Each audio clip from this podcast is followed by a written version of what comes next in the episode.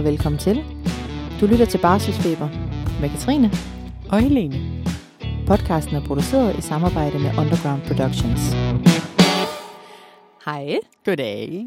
Igen igen. og det er dejligt at være her igen. Det er det. Helt vildt. Og øh, i dag skal vi snakke om graviditet og fødsel igen. mm. Øh, I dag er det dig, It's me. der har on the spot. It's gonna be me. øh, og vi skal snakke om din graviditet med Marvin. Ja. Og din fødsel. mm. Øh, alle de ting, du har oplevet under fødslen. Ja, lige spol tilbage. Under graviditeten Ja. og under fødslen. Ja. Ja. Øhm, for der skete meget. Ja, det Ja. gjorde der. Helt Ja. sikkert. Helt sikkert. Så vi jeg tænker, vi tager den from the top. From the top. Make it Øhm, pop. Ej, nu stopper jeg. vi har lige brugt 10 minutter på at prøve at få det her ud, inden vi ligesom startede. ja, inden men, vi øh, startede. Der vil slippe not noget ud. happen. Nej, uanset hvad. ja. Men ja, det skal vi. Altså, jeg håber jo, at min fødselsberetning kan være øh, et vidnesbyrd om, at der kan ske mange ting under en graviditet og en fødsel, og tingene stadigvæk kan gå godt i sidste ende, eller hvad Mm. skal man sige? Øh, fordi jeg tror kendetegnet, og jeg tror mit take på alt det her, det bliver, at... Øh, Ja, don't worry. Nej, selvfølgelig skal man bekymre sig, men jeg har brugt alt for meget tid på at bekymre sig under min graviditet. Men det kan Ja. vi også komme ind på. Ja, også ligesom inden vi starter nu, fordi Ja. der skete jo mange nederen ting, lige for Det at gjorde der. Det er jo ikke fordi, det skal skræmme nogen. Overhovedet ikke. Øhm, fordi jeg tror, jeg var meget sådan, inden, inden jeg blev gravid, der var meget sådan, hver gang nogen de snakker om ting, der var galt, jeg var sådan, la la la la la, jeg skal ikke Ja. høre noget. Ja, Øhm, og det er jeg måske faktisk lidt ked af i dag, at jeg ikke har hørt nogen ting, hvor det sådan er gået galt. Eller ja, men sådan. også det der med, for eksempel sådan noget som svangerskabsforgiftning, som vi kommer ind på. Det havde jeg en eller anden idé om, jamen det er forbeholdt en gruppe, som ikke er mig. En gruppe kvinder, som ikke er mig. Fordi jeg synes tit, at der er den der øh, udbredte, udbredte forståelse om, jamen det er kvinder, der er... Øh, jamen, altså... 40. Ja, 40, der får det, og Mhm. ryger måske. Og, altså sådan, ja, at det er en livsstilsting, og det viser det sig jo bare, at det er det bare på ingen måde. Øhm, og det, det, kan, det diskriminerer ikke, eller hvad man plejer at sige. Altså, det Mm. mm. kan ramme alle. Ja. Eller sådan, man har ikke herre over det på den måde. Nobody's safe. Oh no. øhm, ja. Men hvis jeg skal starte med at fortælle... Øhm, ja, altså Marvin var planlagt. øhm, jeg tror, at vi var meget... Øhm, det var meget nogle ydre betingelser, vi gerne ville have, der skulle være, for at vi ligesom følte, at nu vil vi gerne lave et barn. Altså i forhold til uddannelse, i forhold til, at vi boede på det her tidspunkt på øh, To kvadratmeter. Ja. altså, det var så noget knap 30 kvadratmeter, vi boede på. Øh, og det havde vi gjort for at spare penge op. Øh, og for lige at sådan, der skulle ske noget nyt. Vi havde boet nede på havnen i en alt for dyr lejlighed. Og tænkte, nu vil vi noget andet. Altså, vi gider ikke lægge så mange penge i husleje hver måned, så nu prøver vi sgu det her at flytte på sådan lidt plads. Og ja, Tæt på skolen, tæt på uni. tæt på der, hvor ja. vi øh, ja, lige præcis gik. Så det var jo dejligt nemt, og vi kunne købe en bil, og ja, sådan for at lidt føle, at man var lidt mere fri på en eller anden måde. Og det var virkelig dejligt. Men ikke dejligt, når man skulle have børn. Mm. Fordi der var sgu for lidt plads. Øhm, så det skulle vi også lige have styr på inden. Altså, der var, der var nogle praktiske ting, øhm, der sådan fyldte primært for os. Og fra vi beslutter os til, at... Øh, Ej, inden du siger det, Ja. hvor lang tid er det gået fra, I er kærester, til I tænker, nu skal vi have et barn? jamen, er det en havde vi- faktor? Får jeg også lyst til at spørge. Nej, det var det faktisk ikke. Nej. Det var det faktisk ikke. Det var ikke sådan, vi tænkte... Øh, det var, jo, måske lidt... Altså, det var ikke sådan, vi, vi havde faktisk ikke noget, vi sådan tænkte, vi ville ud og opleve, eller vi ville et eller andet sådan, fordi vi var...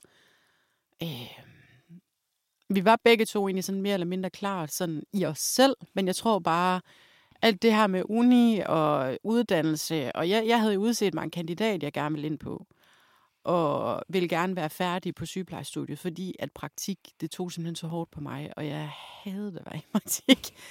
øh, fordi det jo også er en, en uddannelse, jeg ikke på den måde, altså, jeg, jeg, jeg kunne ikke rigtig se mig i det på den måde. Øhm, og så var det svært ligesom tidløbende at have graviditet i tankerne osv. Så, så jeg tænkte sådan, okay, kandidaten, det er måske en mu- bedre mulighed, hvor jeg kan få lidt mere ro på. spoiler alert, it wasn't. øhm, men nej, sådan nogle udefrakommende ting. Men øh, der går, vi har været sammen i, nu skal jeg lige tænke mig om, 17, 18, 19, 20, 21, 22, 5 år. Ja, jeg blev gravid i 22. Føder i 23. Ja, 5 år øh, har vi været sammen. Har I været sammen så længe? Time flies! ja, det har vi sgu. Ja, hvornår mødte vi hinanden? 19? Den er i 19. Februar 19.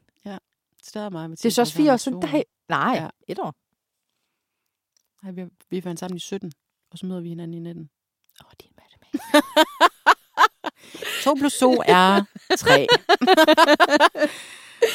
øh, nej, vi har været sammen i fem år. Og øh, fra vi beslutter os til, at nu skal det ske, eller sådan, de, jeg kan faktisk ikke huske en dag, hvor vi sådan, nu skal det ske.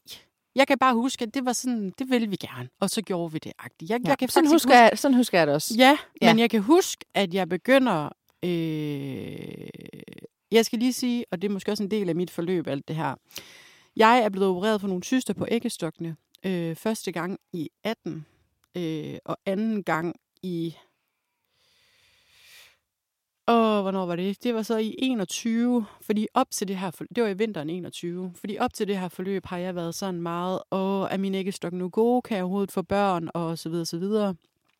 Det skal nok også lige siges, og det kan måske være en historie, vi går ind i på et andet tidspunkt, at jeg har en abort med i bagagen øh, fra et tidligere, jeg ved ikke, om man skal kalde det forhold eller hvad, men som virkelig satte sine dybe spor i mig, selvom det var noget, jeg selv øh, valgte. Øh, så øh, havde jeg en eller anden mærkelig forestilling om, at, øh, at det der med børn, det, det blev aldrig muligt for mig. Og det var jo totalt irrationelt og dumt. Men jeg, jeg tror bare, jeg havde sådan en frygt for, at nu havde jeg Mathias, og vi havde et fantastisk forhold og relation til hinanden, og ville det her, og så skulle det selvfølgelig nok ikke ske for os. Altså, jeg var meget sortsynet og meget bekymringsrig. Det mm. kan du Mm. sikkert godt huske. Ja. Øh, og især oven på de her to operationer, som jeg så får. Øh, og jeg blev opereret i vinteren øh, 2021, som sagt, og begynder derefter at track min ægløsning. Og det var faktisk også en faktor. Vi var, meget, vi var faktisk allerede klar der i 21. Så finder vi ud af, at jeg har en tyste på, det ved jeg ikke, 6, 7, 8 cm eller et eller andet, som jo skal opereres ud, fordi det er anden gang, den så kommer, og den giver mig smerter. Og så tænker vi, okay, jeg skal lige over, over operationen, før vi ligesom begynder. Og da jeg så er blevet opereret, der begynder jeg at track min ægløsning. Øh, og der går et par måneder eller sådan noget, tre, før at øh, jeg så er gravid.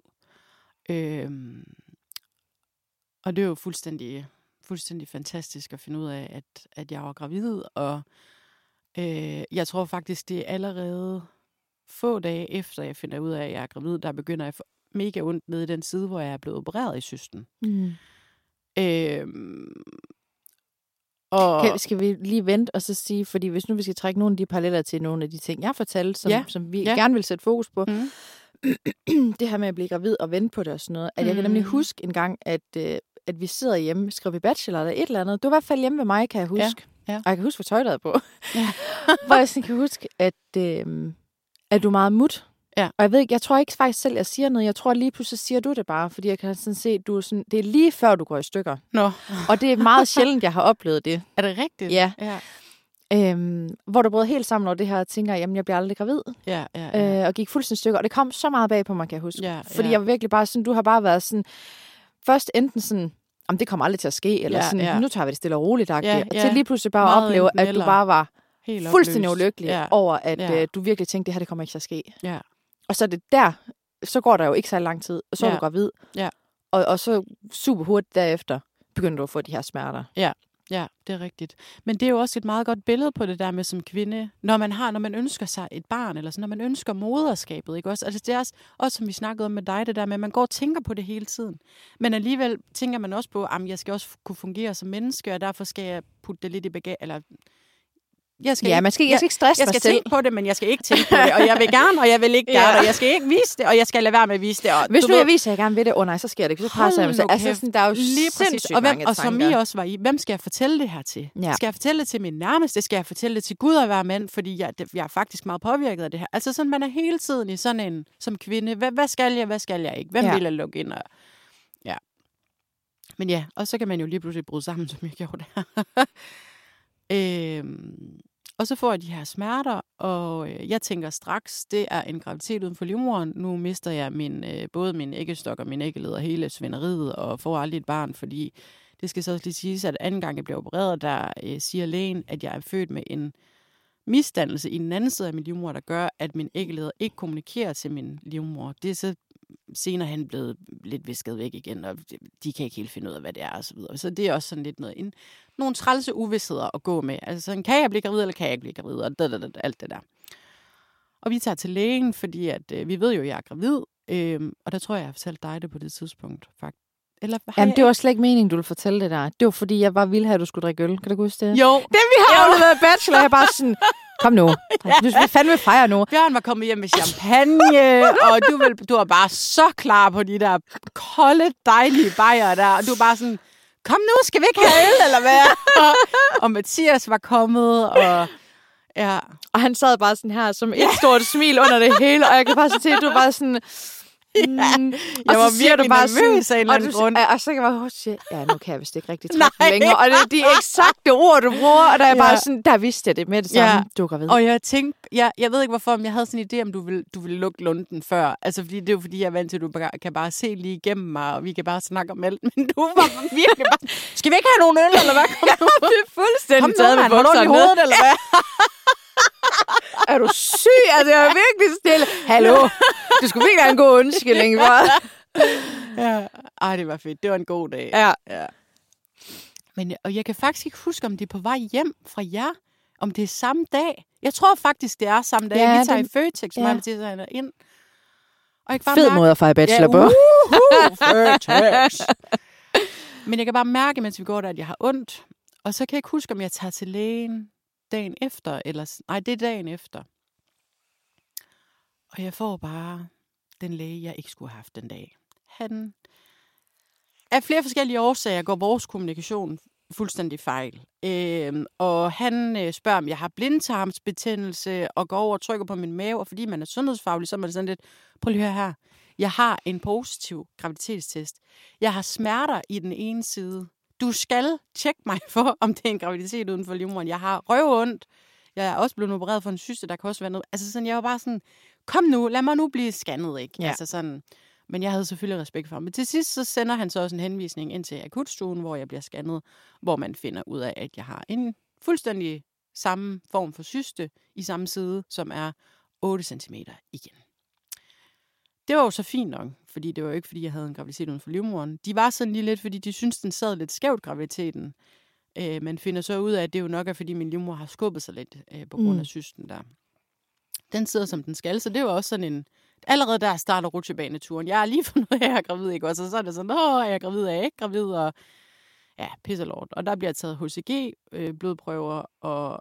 Altså graviditetshormonet? Graviditetshormonet, ja, undskyld. og det er jo sådan noget med, at den helst skal fordobles efter så så mange timer, nu kan jeg ikke engang huske, hvad det var. Og øh, det er så næste fase, hvor at øh, de, det bliver taget med sådan lige knap inden for tidsrammen. Altså, jeg er lidt for hurtig til at få taget den anden gang. Så der er ikke helt gået de der 72 timer, eller hvad det er. Og så ringer jeg ind på fødegangen, og så, eller ikke på fødegangen, på, øh, på gynekologisk. Og så kommer jeg til en snak med en sygeplejerske.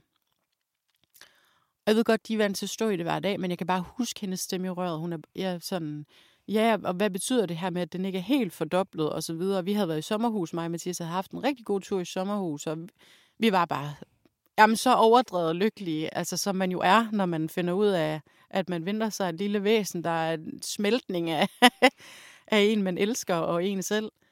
Øh, og så kan jeg bare huske hende her sygeplejersken i telefonen, hun siger sådan, øh, hvordan fanden var det? Det var sådan noget, Jamen, vi er jo, og så siger hun, jamen, jeg har snakket med lægen, og vi er jo ikke helt glade for det der. Det er jo ikke, helt, det er jo ikke noget, der gør, at vi klapper i vores hænder. Og jeg synes bare, den der måde at formulere det på, What jeg er bare sådan lidt... the fuck? Hvorfor skal min blodprøve få jer til at klappe i jeres hænder, uanset hvad? ikke også? Altså, så det var også sådan lidt, er der nu noget, er der nu ikke noget? Men så, jeg kan egentlig ikke huske, hvordan, men øh, det bliver i hvert fald, altså tiden går, og ja, den er der graviditeten. Fordi så går der ikke ret lang tid, så skal jeg til eksamen. Og jeg er så opløst på det her tidspunkt, øh, at jeg, sådan, jeg kan ikke gå til eksamen, før jeg har set noget hjerteblink. Fordi på det her tidspunkt er jeg seks uger henne, tror jeg.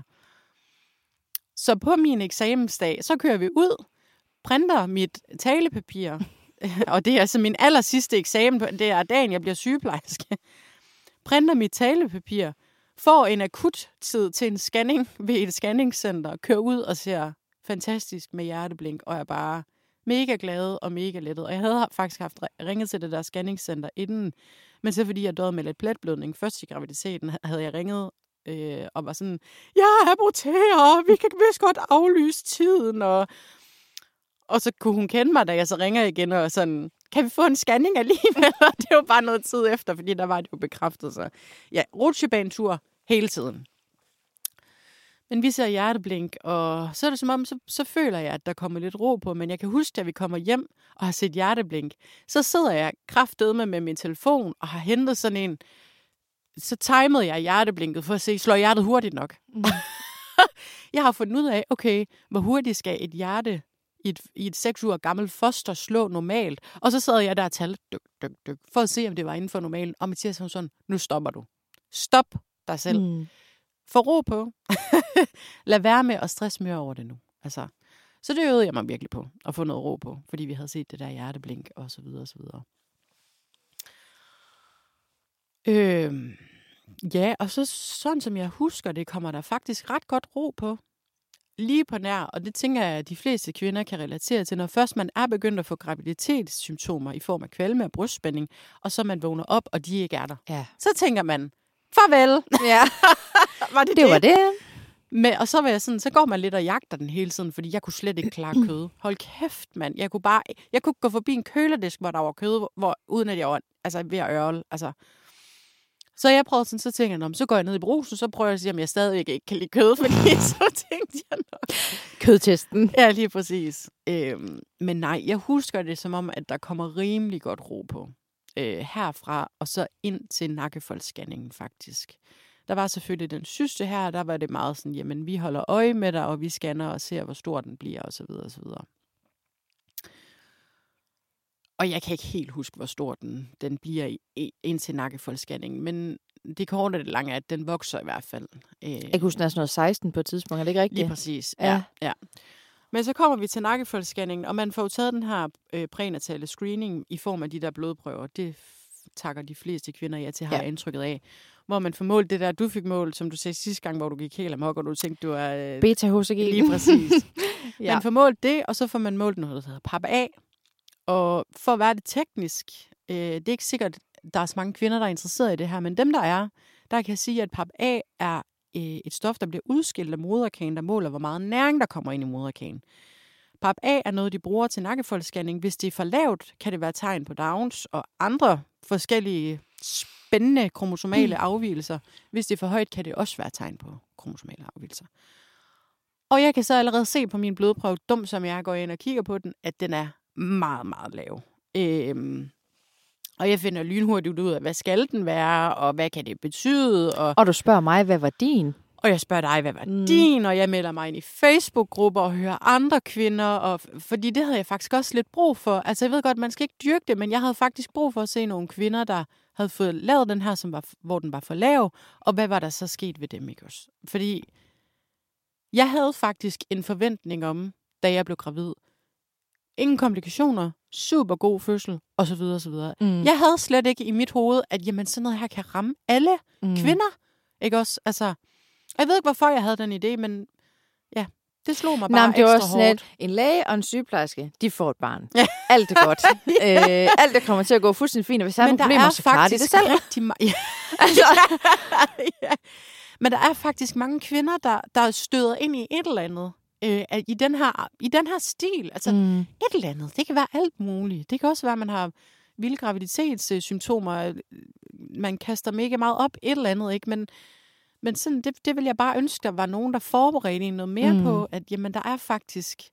Altså, vi går faktisk igennem mange ting, og der kan ske mange ting.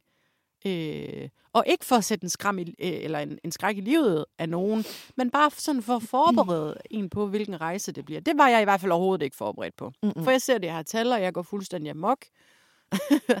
og der er jo nogle uger til min, min øh, nakkefoldsscanning, så så skal man gå i de der uger og være sådan helt, hold da kæft, hvad nu?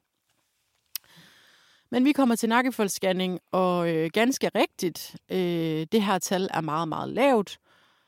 Men scanningen i sig selv er fuldstændig perfekt. Nakkefolden er slank, og Marvin har alt det, han skal have. Der er overhovedet intet galt med ham. Øh, men på grund af det her ene fucking tal, så får vi en risikovurdering, der hedder 1 ud af 200 et eller andet. Var det ikke 170? Jeg husker det som 170. Nej, det var 200 eller andet, fordi det var sådan lige på grænsen Okay. til at være 300. Og det var okay. også sådan, hold kæft, var det bare typisk.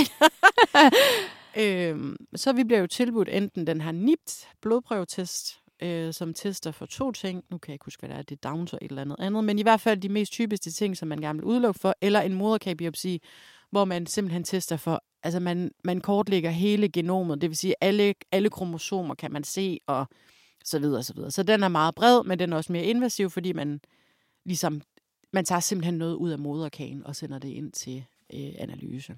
Og ikke fordi det skal skræmme nogen. Jeg vil dog sige, at min oplevelse var ikke særlig god med den. Men og, så nu kan jeg godt regne Nu ud, kender jeg nogen, der har haft nogle rigtig gode oplevelser med moderkagebiopsier. ja, så hvor der slet ikke... Ja, Ja. ja. Og det er jo også bare forskelligt, hvordan Ja. ja. man har det med det. Og jeg synes, jeg har en rimelig okay smertetest. Jeg er overhovedet ikke bange for smerte. Altså, jeg var også bare bange for abortrisikoen, som der jo er ved en moderkagebiopsi, mm. men som er forsvindeligt lille. Ja. Altså sådan, men når man er gravid, så lyder 0,1 procent meget højt. ja, altså, så er man jo nogle gange bange for at snuble over en sten, fordi man lige tænker, præcis, fuck. Lige præcis, ja. ja. Øh, men vi vælger den her moderkagebiopsi, øh, som ikke går sådan vildt godt. Øh, Og det er jo sådan set også rigtig meget af det, kan man sige, fordi, ja, tænker jeg, fordi øh, uanset hvad der er sket, altså, så står I med et helt perfekt rask barn, og, Jamen, du, og du sådan har det helt- helt fint. Sammen ja, jeg her, har det super godt. Ja. Super, super godt. Jeg og I har det, været alt det her igennem. Vi har været altså, alt det her, ja. ja. Det kan man bare ikke se på nogen af jer. Nej, Altså, fordi man tænker, havde I nu fået et barn med Down, så kunne man se, okay, de Ja. har fået en på Sinkadusen. Dem Ja, har, de har ja. faktisk været en hård proces igennem. ja, det er faktisk en god pointe. Øhm, ja. og, og, og det samme med, altså, og, og, med, og med mig og min fortælling om intensiv, som mm, jeg synes var Mm, rigtig, rigtig ja. voldsom og sådan halv livstruende, Ja. det er der heller ikke nogen, der kan Nej. se, fordi vi har Nej. det fint, og vores børn har det fint. Og det er jo nok End derfor, story. lige præcis, og det er jo nok derfor, der Ja. ikke er fokus nok på kvinder med, Ja. hey, der kan faktisk ske nogle ting. Jeg har en veninde, der er øh, gravid lige nu, som også har været igennem de her ting, hvor jeg sådan lidt, hvorfor er der ikke nogen, der fortæller os om det? Mm. Mm. Ja, det er der jo også, og det ved jeg godt, og så videre, men der er ikke så meget fokus på det, og, det, og man skal jo også glemme. Man skal glemme de her ting igen, ikke også? Man skal ikke blive ved med at gå og holde fast i dem og sådan noget. Mm. Mm. Det har jeg i hvert fald ikke lyst til at, at gå og komme tilbage til det sted, for hold kæft, var det bare røverhårdt. Ja. Øh, jeg husker det i hvert fald som om, den tid fra, vi har fået taget moderkagebiopsien, til at jeg får svaret, det er de værste dage i mit liv. Jamen, punktum. Jamen, Ja, ja, og jeg har ja. haft nogle træls dage i Ja. mit liv. Det var, jeg var fuldstændig splittet af. Altså, jeg lå Mhm. hver evig eneste dag, og altså, jeg hulkegræd hver dag frem til den der. Og skæbnen vil faktisk, og det er lige en sidebonus af en komplikation. Jeg har haft taget sådan en spyttest med ens gener, hvor man kan se, hvor man er fra i verden. Sådan noget twins screening. Åh oh, ja, det er helt Ja. glemt. Ja. Ja, det havde jeg faktisk også lige glemt. Der kan man købe en tillægspakke, hvor man kan finde ud af, bærer du på nogle øh, vilde sygdomme, og hvad har du genet for, om koriander smager sæbe, og alle sådan nogle sjove ting. Det, der så bare ikke var så sjovt ved den, og som jeg jo godt vidste, det er jo pisse dumt at gøre sådan noget, det var, at jeg finder ud af, at jeg bærer genet for cystisk fibrose. Cystisk fibrose er en meget alvorlig sygdom, øh, hvor de fleste dør inden for fem år. Øh, og det var jo ikke noget, vi havde lyst til at give til et barn. Så vi var meget klar om, jamen, hvis det er en risiko, vi kan, vi kan give til vores, eller vi er i risiko for at give det til vores barn, så vil vi ikke øh, have det barn. Sådan var det bare. Jeg vil ikke sætte et barn i verden, der skulle have det så dårligt. Så Mathias bliver faktisk gentestet på sygehuset, fordi at vores læge er sådan meget, prøv lige at høre, det er jo mega alvorligt det her. Det, det bliver vi nødt til at gå videre med. Og hende genetikeren, der, er, der var der, hun er, hun var simpelthen så sød. Jamen, hun var simpelthen så dejlig. Og hun hjalp mig faktisk øh, i forhold til den her moderkagebiopsi, fordi sideløbende med, vi snakker hende om, fordi Mathias han bar heldigvis ikke genet for cystisk fibrose, sideløbende ved, at vi snakker hende om det, der spørger hende ind til, hvad er proceduren med moderkagebiopsi, hvor lang tid går der, for jeg er ved at være fuldstændig oplyst. Og hun mm. var, jamen, hun var så sød. Tak, hvis du hører med. Du hører nok ikke med derude.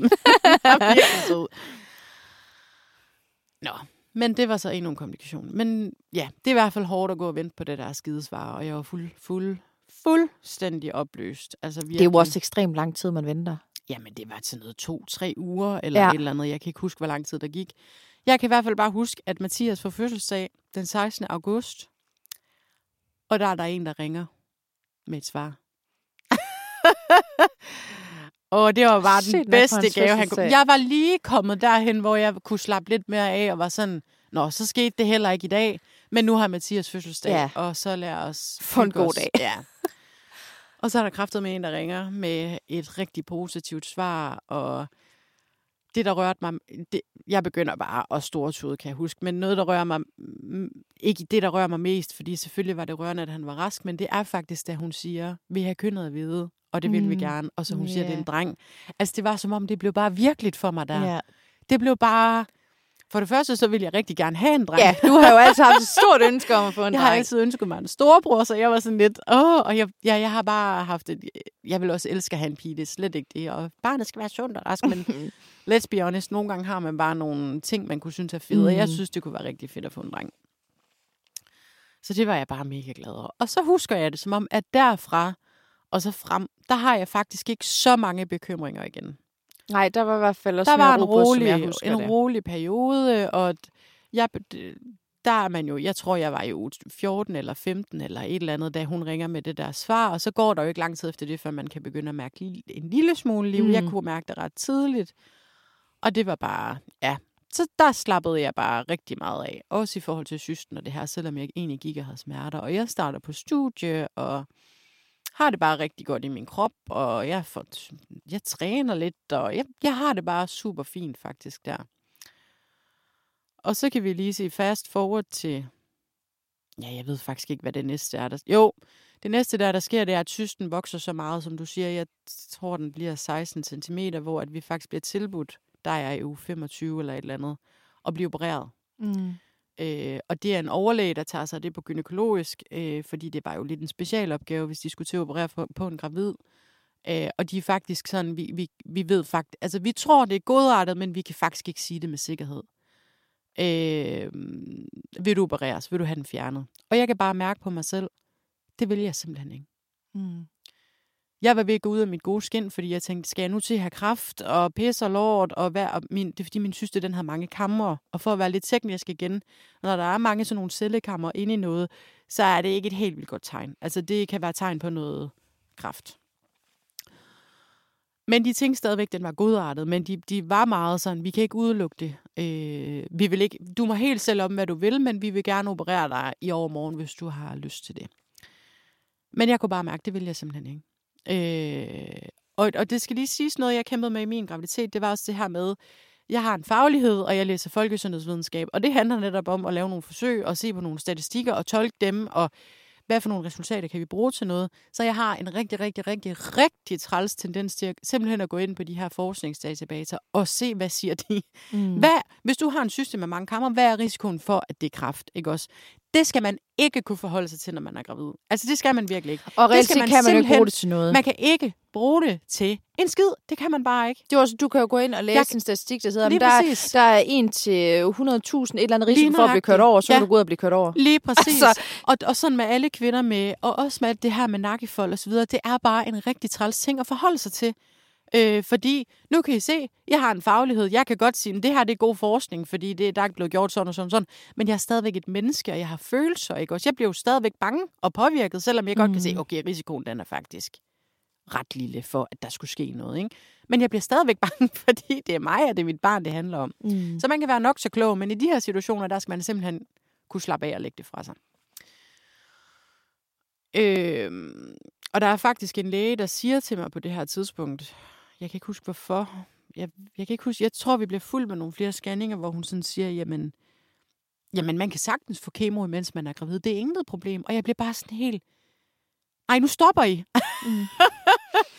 Men jeg tror at simpelthen, det var fordi, jeg havde gjort op med mig selv. Jeg vil ikke opereres. Mm. Det var, jeg kunne bare mærke noget i maven. Det, det vælger jeg simpelthen ikke. Øhm, jeg vil ikke risikere, at der skulle ske Marvin noget. Mm-hmm. Eller hvis jeg, jeg kunne mærke på mig selv, jeg vil gå, hvis han så fik et eller andet. Og det var, jeg tror også, det var godt, jeg ikke gjorde det, fordi så havde jeg tænkt, jamen, det, at der skete det sidste i min graviditet, var det, fordi jeg var blevet opereret? Eller sådan. Mm. Mm. Det, det, det, det, det havde jeg gjort op med mig selv, det vil jeg bare ikke. Og så havde jeg det sådan lidt, selv hvis det her det er i kraft, så vil jeg gerne opleve at have fået Marvin. Og så må vi tage den derfra. Mm. Sådan havde det virkelig. Altså det, og det var den eneste gode, standhaftige beslutning, jeg følte, jeg taget, eller jeg tog med mig selv. Det var det der med, at jeg kunne bare mærke, mærke efter nede i maven. Ikke også? Det er så vigtigt at gøre, når man er gravid. Mm. Og mor og kvinde og alt muligt. Det her, det føles ikke godt for mig. Det, det vil jeg ikke. Så det valg havde jeg taget, at jeg ville ikke opereres. Og så var det ligesom sådan, det er. Men på et tidspunkt, så bliver den her syste så stor, at den øh, presser faktisk på hans hoved også. Øh, og den gør rigtig, rigtig ondt på mig, og den bliver 17-18 cm, hvor vi er sådan lidt, hvad kan vi lige gøre? Og jeg kommer ind øh, til dem. Jeg bliver også fuldt i forvejen, fordi han er en lille smule lille faktisk allerede på det her tidspunkt, så jeg, der bliver vi også fuldt lidt ekstra med nogle scanninger, for lige at holde øje med, at han har det godt. Men det har han på alle tidspunkter. Han har det rigtig fint, og han ligger og spræller og bevæger sig, og det er jo det er super dejligt at komme ind og få sådan en scanning, og så alligevel er der alt muligt andet crap, som man tager med sig hjem. Så det var sådan hele tiden rutsjetur. Ej, mm. han har det godt, han ligger og spræller. Ej, men du har sådan en syste, der måske er kraftig. Ej, du har det. Da, da, da, da, da, da, da, da. Øh, men vi beslutter os for øh, i samråd med lægerne, nu prøver vi at dræne den her syste her. Øh, og det bliver gjort af to omgange i min graviditet. Første gang, fordi systen ligger så langt nede, bliver det gjort igennem, altså intravaginal, altså simpelthen igennem skeden, stikker de en nål op og dræner den for 600 ml væske. uh, tanken om, at man skal have en nål op ja. i en skede ja. på den måde, det var da frygteligt. Ja, og det er sådan nogle ting, jeg har skulle igennem, hvor jeg bare i dag tænker sådan, hold kæft, der var mange ting. Mm. Ja, men hele tiden. Min farmor, der bare har elsket at være gravid hele tiden, hun havde det så ikke godt nok. Eller det er jo ikke, fordi hun ikke havde det godt, men sådan, hendes graviditet har været rigtig gode. Mm. Sådan efterforløbet med her børn har det ikke sådan, ja, der har været nogle hårde ting i hendes liv, som har gjort, at det her lige har været hårdt. Men sådan graviditet, hun var bare sådan, hun synes bare, det var så forfærdeligt, jeg ikke kunne få lov at nyde det, fordi der ja. var bare hele tiden noget igen og igen. Men øh, 600 ml væske, en, lige over en halv liter væske, kom der ud af det her bæst. Øh, og min mave bliver bare helt vildt lille, efter den er drænet. Altså, jeg er, sådan, er jeg overhovedet gravid, eller hvad? øh, og jeg kan ikke huske, hvor langt jeg er henne på det her tidspunkt. Det er også lidt lige meget. Men, der, men studiet spidser mere og mere til, og der er den her syste her. Jeg begynder sådan at tænke, nu synes jeg virkelig ikke, det er sjovt længere. Mm. Det synes jeg virkelig ikke, det er. Øh, så vil skæbnen, at den bliver drænet to gange systen. Første gang for 600 ml, anden gang for 500 ml. Ja, og de vil gerne skubbe det så tæt på fødslen som muligt, som jeg husker det. Ja, ja det vil de nemlig ja, gerne, for at den ikke nåede vaginal. Ja, ja, så fordi den ikke nåede at vokse igen. På et tidspunkt var jeg faktisk inde, fordi jeg følte faktisk, der var noget på vej ud af mig. Mm. Altså ud øh, vaginalt. Og de var bange for, at det var Marvin. Men det var simpelthen den her syste, der var blevet så stor, at den ligesom skubbede på. Så jeg havde ja. fornemmelsen af, at den var ved at falde ud. Nej, det var den ikke overhovedet ikke, men det var bare en træls fornemmelse. Da den så er blevet drænet første gang, der bliver den så lille, at den skubber sig hele vejen op under mit ribben. Og jeg havde så ondt bagefter, jeg ringede til fødegangen, så siger jeg, der er simpelthen et eller andet galt. Da de så scanner mig, så er de sådan, hvor fanden er systen henne? Og jeg var bare sådan, yes, er den endelig væk? Er den endelig væk? Min store ej. klamme følgesvend er den endelig ja. væk, så scanner hun mig op under ribben, og så er det sådan, nå, der var den. Jamen, så den har bare komisk. flyttet sig ja. helt nedefra, og så flyttet sig op under mit ribben, og skub, sikkert skubbet på Marvin og alle mine organer, og ja. Nå. Men den bliver så drænet anden gang igennem maven den her gang, fordi den jo sidder nu sidder den ikke, så man kan komme til nedefra. Nu skal den drænes igennem maven, og der kommer så 500 ml væske mere ud. Og vi tænker så, jamen så kan jeg sikkert føde vaginalt og det ene og det andet. Problemet er bare, at Marvin ligger med hovedet opad og med røven nedad. Og der er ikke ret meget fostervand på det her tidspunkt. Og på det, så går der ikke ret lang tid efter det. Der er jeg i uge... Jeg mener, jeg er i uge 32. Det er i hvert fald midt december, eller sådan lige først i december-agtigt, der tester jeg positiv for corona. Det er eksamenstid. Vi har pisse travlt på studiet. Vi, jeg har fire eksamener, hvor den ene er en projekteksamen, og man skal samarbejde, og man skal få tingene til at fungere, og mm. det var så hjernedødt hektisk. Jeg sidder nede på min flade røv hver dag, fordi jeg er bundet til den lorteskærm. Jeg er perfektionist, og jeg vil gerne have tingene, de skal bare være i orden. Så jeg sidder jo og knokler, og er højgravid, eller højgravid, jeg ved ikke, hvornår man er højgravid, jeg føler mig ret højgravid, begynder ja, at få så corona, og bliver hammerne syg. Jeg har mm. aldrig nogensinde været så syg hele mit liv før. Jeg havde som om, jeg havde glas nede i min luftveje, og min puls er skyhøj, altså sådan, og jeg begynder at få vand i fingrene lige pludselig, og Ja, du har høj feber. Og sådan, mega ja. høj feber, og men Marvin ligger og spræller sig jo sådan, Ej, du skal heller ikke ringe ind til fødegangen, der er ikke, jeg tager det, jeg tog det en dag i gangen og så videre. Mathias har bare ikke været særlig syg, jeg blev bare hammerne syg og kunne næsten ikke få luft, og jeg havde det virkelig, virkelig, mm. virkelig elendigt. Og jeg kan huske, at jeg ligger inde på sofaen en aften, og mit hjerte, det duk, duk, duk. Altså, det hammer bare derude. Jeg kunne næsten ikke få luft. Og jeg ligger bare sådan, og sådan helt, skal jeg ringe derind, eller skal jeg ikke ringe derind? Jeg vælger så ikke at ringe derind. Og vælger at knokle igennem samtidig med studie. Altså, jeg er bare, hvad fanden havde du gang i, Helene? Ja. Skulle have været meldt mig syg allerede der, ikke også? Nå, men øh, efter det kommer der stille og roligt bare mere og mere væske i min krop. Øh, og jeg har et billede af, efter, jeg har et billede af en positiv coronatest, og så har jeg et billede af to dage efter, at mine fødder de bare eksploderer øh, med vand. Øh, og øh, jeg kan huske, at vi kommer ind og bliver scannet. Det var en af de kontrolscanninger med Marvin eller med søsten. Jeg kan ikke huske, hvad det var. Og der er der bare en læge, der siger til mig, du bliver nødt til at forstå, du har, der, altså, du har svangerskabsforgiftning. Fordi mit blodtryk, det, mit blodtryk, og jeg kan nemlig huske, nej, vi var inde i sin kontrol først, der er en blodtryk sådan noget 130 over et eller andet. Og det er ret højt for mig. Jeg har et ret meget lavt Mm. blodtryk. Det er et normalt normalt. blodtryk til dem, der lytter med, så ja. det er Ja. helt normalt at have et blodtryk på må vi 130. hellere lige sige. Men for dig er det højt, fordi du For mig er normalt det ret har højt. et lavt blodtryk. Jeg har et ret lavt blodtryk. Øhm, men der var sådan lidt, okay, 130. Og lægen var sådan, det er jo helt, det er fint nok. Altså, det, mm. der Mm. er ingen ko på isen. Men jeg tænkte godt nok sådan, okay, det er da lidt mærkeligt. Det har jeg godt nok aldrig nogensinde haft før. Nej. Øhm, men fint nok, der var ikke noget. Men der kommer så mere og mere vand i kroppen, og så er det så anden gang, der er hende her lægen, der siger, du har svangerskabsforgiftning. Du bliver nødt til at forstå det, fordi der på det her tidspunkt er mit blodtryk ret højt. Og jeg får så nogle ture, hvor at hvor jeg, jeg ryster meget. Altså sådan, jeg, jeg får lige pludselig sådan nogle ture, hvor jeg sådan begynder at svede meget, og sådan ryster og bliver utilpas, og begynder faktisk at få mere og mere dobbeltsyn også. Hvor Mathias var sådan meget... Og fordi det var også svært for mig at vide, fordi jeg sad jo foran computeren hele Mm. dagen. Ikke også? Og vi var sådan meget om, det er også læsebriller, jeg er også for dårlig til at bruge de læsebriller. Men set i bagspejlet var det jo svangerskabsforgiftning, mm. der Mm. gav mig de her symptomer. Og jeg tænkte, de der rysteture, om det var bare sådan noget stress. Det var det ikke. Det var simpelthen svangerskabsforgiftning. Og jeg kommer på blodtrykssænkende, fordi det her blodtryk, det vil bare ikke ned. Og ja, mit ansigt begynder at hæve fuldstændigt op. Altså sådan, Mhm. det, jeg får bare mere og mere vand i kroppen, og det bliver bare mere og mere træls. Øh, kom på blodtrykssænkende. Var, der var simpelthen en aften, hvor jeg rystede så meget, og ja, min krop gik sådan helt, den var sådan helt i overdrive. Jeg kommer ind på fødemodtagelsen, og de tager mit blodtryk, og de er sådan, øh, jeg kan huske, hun har en studerende med, og det har man jo ofte til, at man ikke tænker, der er så meget ved. Mm. Så jeg kan bare huske, at hun kommer ind igen uden den studerende, og så er hun bare sådan, nu skal vi lige ned på fødemodtagelsen. Så er jeg bare sådan, åh oh, nej. og begynder bare at ryste endnu mere, og mit blodtryk er sådan noget 150 og 160, og det stiger sådan lidt. Og så kommer der en rigtig, rigtig, rigtig, rigtig modbydelig og træls læge ind, og er bare sådan, hvis ikke du tager den her pille nu, så ved jeg simpelthen ikke. Altså sådan, hun, og jeg er faktisk bange for at tage medicin. Jeg er sygeplejerske, har været på øh, praktik på intensiv og sådan noget, men jeg, jeg, jeg kan virkelig ikke lide at tage medicin. Jeg er pisse bange for bivirkninger, og jeg kan virkelig ikke lide det. Så jeg kan virkelig ikke lide tanken om at skulle tage den her pille. Jeg kan ikke lide tanken om, hvad det skal gøre for mit barn. Jeg har prøvet at besvime mange gange på grund af lavt blodtryk. Jeg er sådan, skal jeg nu til at besvime, fordi jeg får for lavt blodtryk? Og død, død, død, er der nu nogen, der har styr på mig? Altså sådan, mm. jeg var Mhm. så utryg. Virkelig, virkelig utryg. Og det bidrager jo også til, at man er bange, og til blodtrykket stiger, og bla bla bla. Så jeg tænkte sådan, jeg skal bare lige slappe af, og de gik så ud af rummet, og jeg ligger sådan der, mig og Mathias, vi prøver sådan at lave nogle værtsrækningsøvelser, fordi vi bare begge to sådan, det er forfærdeligt at være her, mm. altså, for at få det der fucking blodtryk ned. Og det kommer også lidt ned, men ikke nok. Til sidst, der pressede de mig simpelthen så meget til at tage det her blodtrykssænkende, at jeg tænker, fuck det, nu tager jeg det simpelthen bare.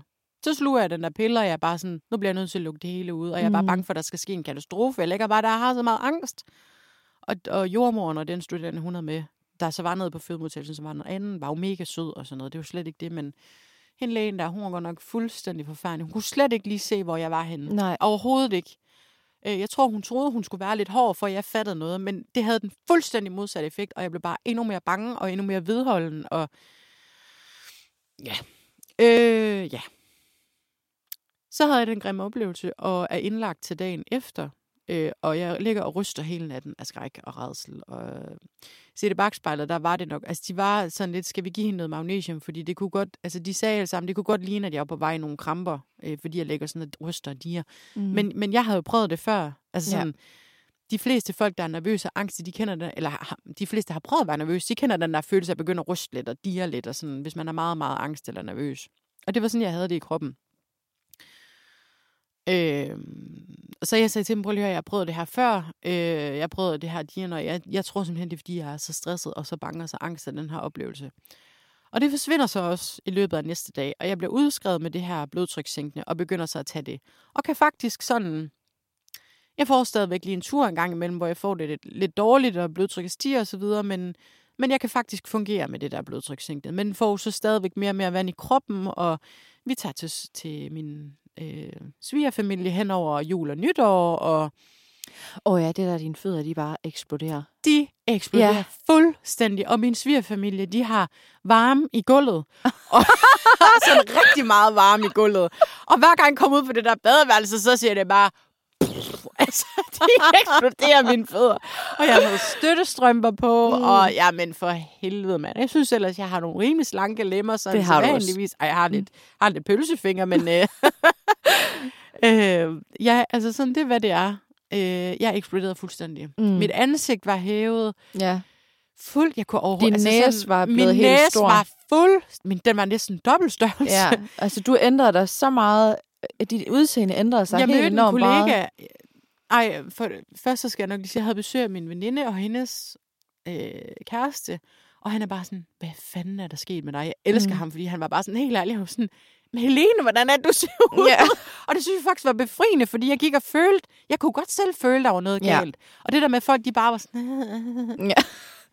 Man må, sådan, har jeg, sådan er det ikke alle, der har det, men jeg, Ja. jeg synes faktisk, det var rart, der var sådan, hvad fanden er der sket med dig? Og så kunne jeg sige, ja, for helvede, det er kraftet med hårdt, det her, ikke? Eller sådan, Mm, ja, og blive jeg mødte- bekræftet i, at det blive faktisk er en i, det er stor faktisk- lidelse, det det her. er faktisk, der faktisk er noget, der Ja. er anderledes, ikke Mm. også? Men det kan også være svært. Altså, så Det kan nu, være mega jeg, jeg er jo meget bramfri, og vi er Ja. jo meget bramfri i vores Meget venskab. ærlige. Men jeg synes faktisk også, det var svært. Altså, sådan, jeg Jamen, tror, det er sådan, det da. jeg grinede nogle gange af din stemme, men det, er Ja. jeg, det kunne jeg simpelthen ikke styre. Nej. Altså, det var, Nej. det var så syret. meget mørkt. Og det Den var var også sådan, så fordi jeg mørk. kunne huske, at, at Hanna kunne nemlig mærke det. Altså, Ja. sådan, hun kunne ikke sådan 100% kende Nej, dig. kend mig. Nej, Fordi nej. hun kunne jo ikke kende dig sådan helt øh, altså visuelt, og hun kunne heller ikke helt kende din stemme. Nej, min stemme, min stemme er stadigvæk lidt mærkelig. Jeg kan stadigvæk ikke komme helt op i de lyse toneleje, men den blev simpelthen så mørk. Ja. Så der sidder nogle kvinder derude, der har oplevet det samme, at få en mørk stemme, få en ændret stemme af graviditet. Skriv lige til mig, ja. fordi jeg har faktisk læst, at kvinders, alle kvinders stemmer bliver mørkere efter graviditet. Men det er en lille bitte semitone, eller jeg kan ikke Okay. huske, hvad det hedder. Så alle kvinders stemmer ændrer sig efter graviditet. Mm. Men min ændrede sig virkelig meget. Ja, den. er blevet lidt lysere. Jeg tror måske, der var noget væske inde omkring stemmelæberne eller et eller andet. Det, jeg ved det ikke. Lyder sandsynligt. Skriv til mig, hvis I har oplevet det. Men jeg var i hvert fald slet ikke mig selv. Nej. Overhovedet ikke. Og jeg kan bare huske, da vi er i, øh, ved min svigerfamilie. Jeg kan bare huske, jeg fornemmer sådan, min svigermor, hun godt mærke lidt på mig. Nu gider jeg virkelig ikke mere. Jeg synes virkelig, det er for hårdt. Jeg skal måle blodtryk tre gange om dagen. Det ligger hele tiden på grænsen. Jeg er sådan, skal jeg køre det ind? Skal jeg ikke køre det ind? Jeg har det ikke ret godt. Jeg har alt for meget væske i kroppen.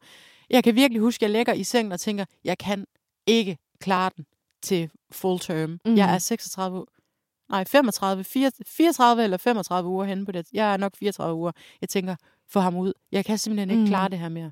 Jeg vil ikke mere nu. Der er for meget uvidshed. Der har været for meget pis og lort.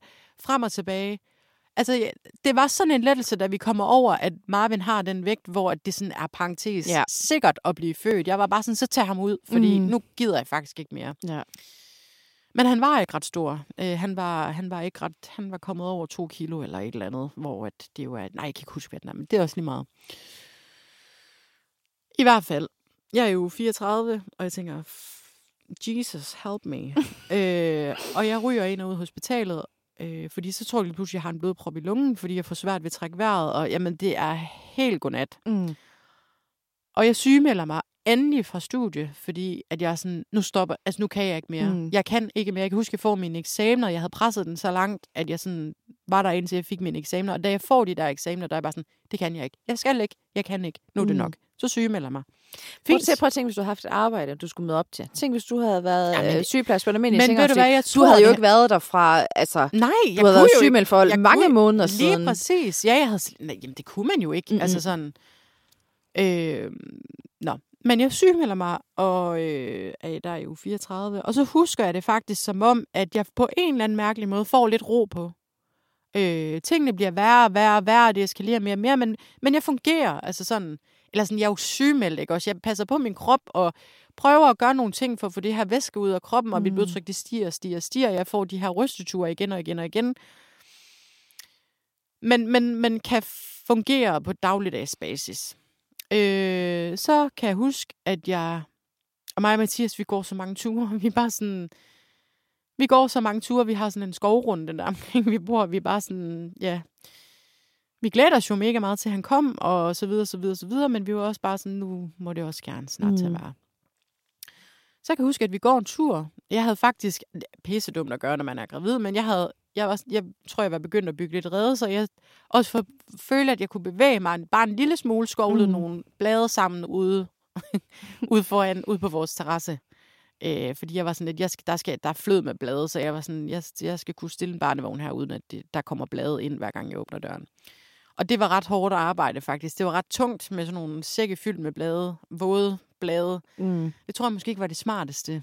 Øh, jeg begynder at kunne... Øh, det er måske lidt TMI, det her too much information, men jeg begynder sådan at kunne, kunne faktisk sådan fornemme, at, at der er tingene dernede er, er lidt anderledes. Øh, De har en lidt anderledes sådan odør, hvis man, jeg må sige det sådan. Mhm.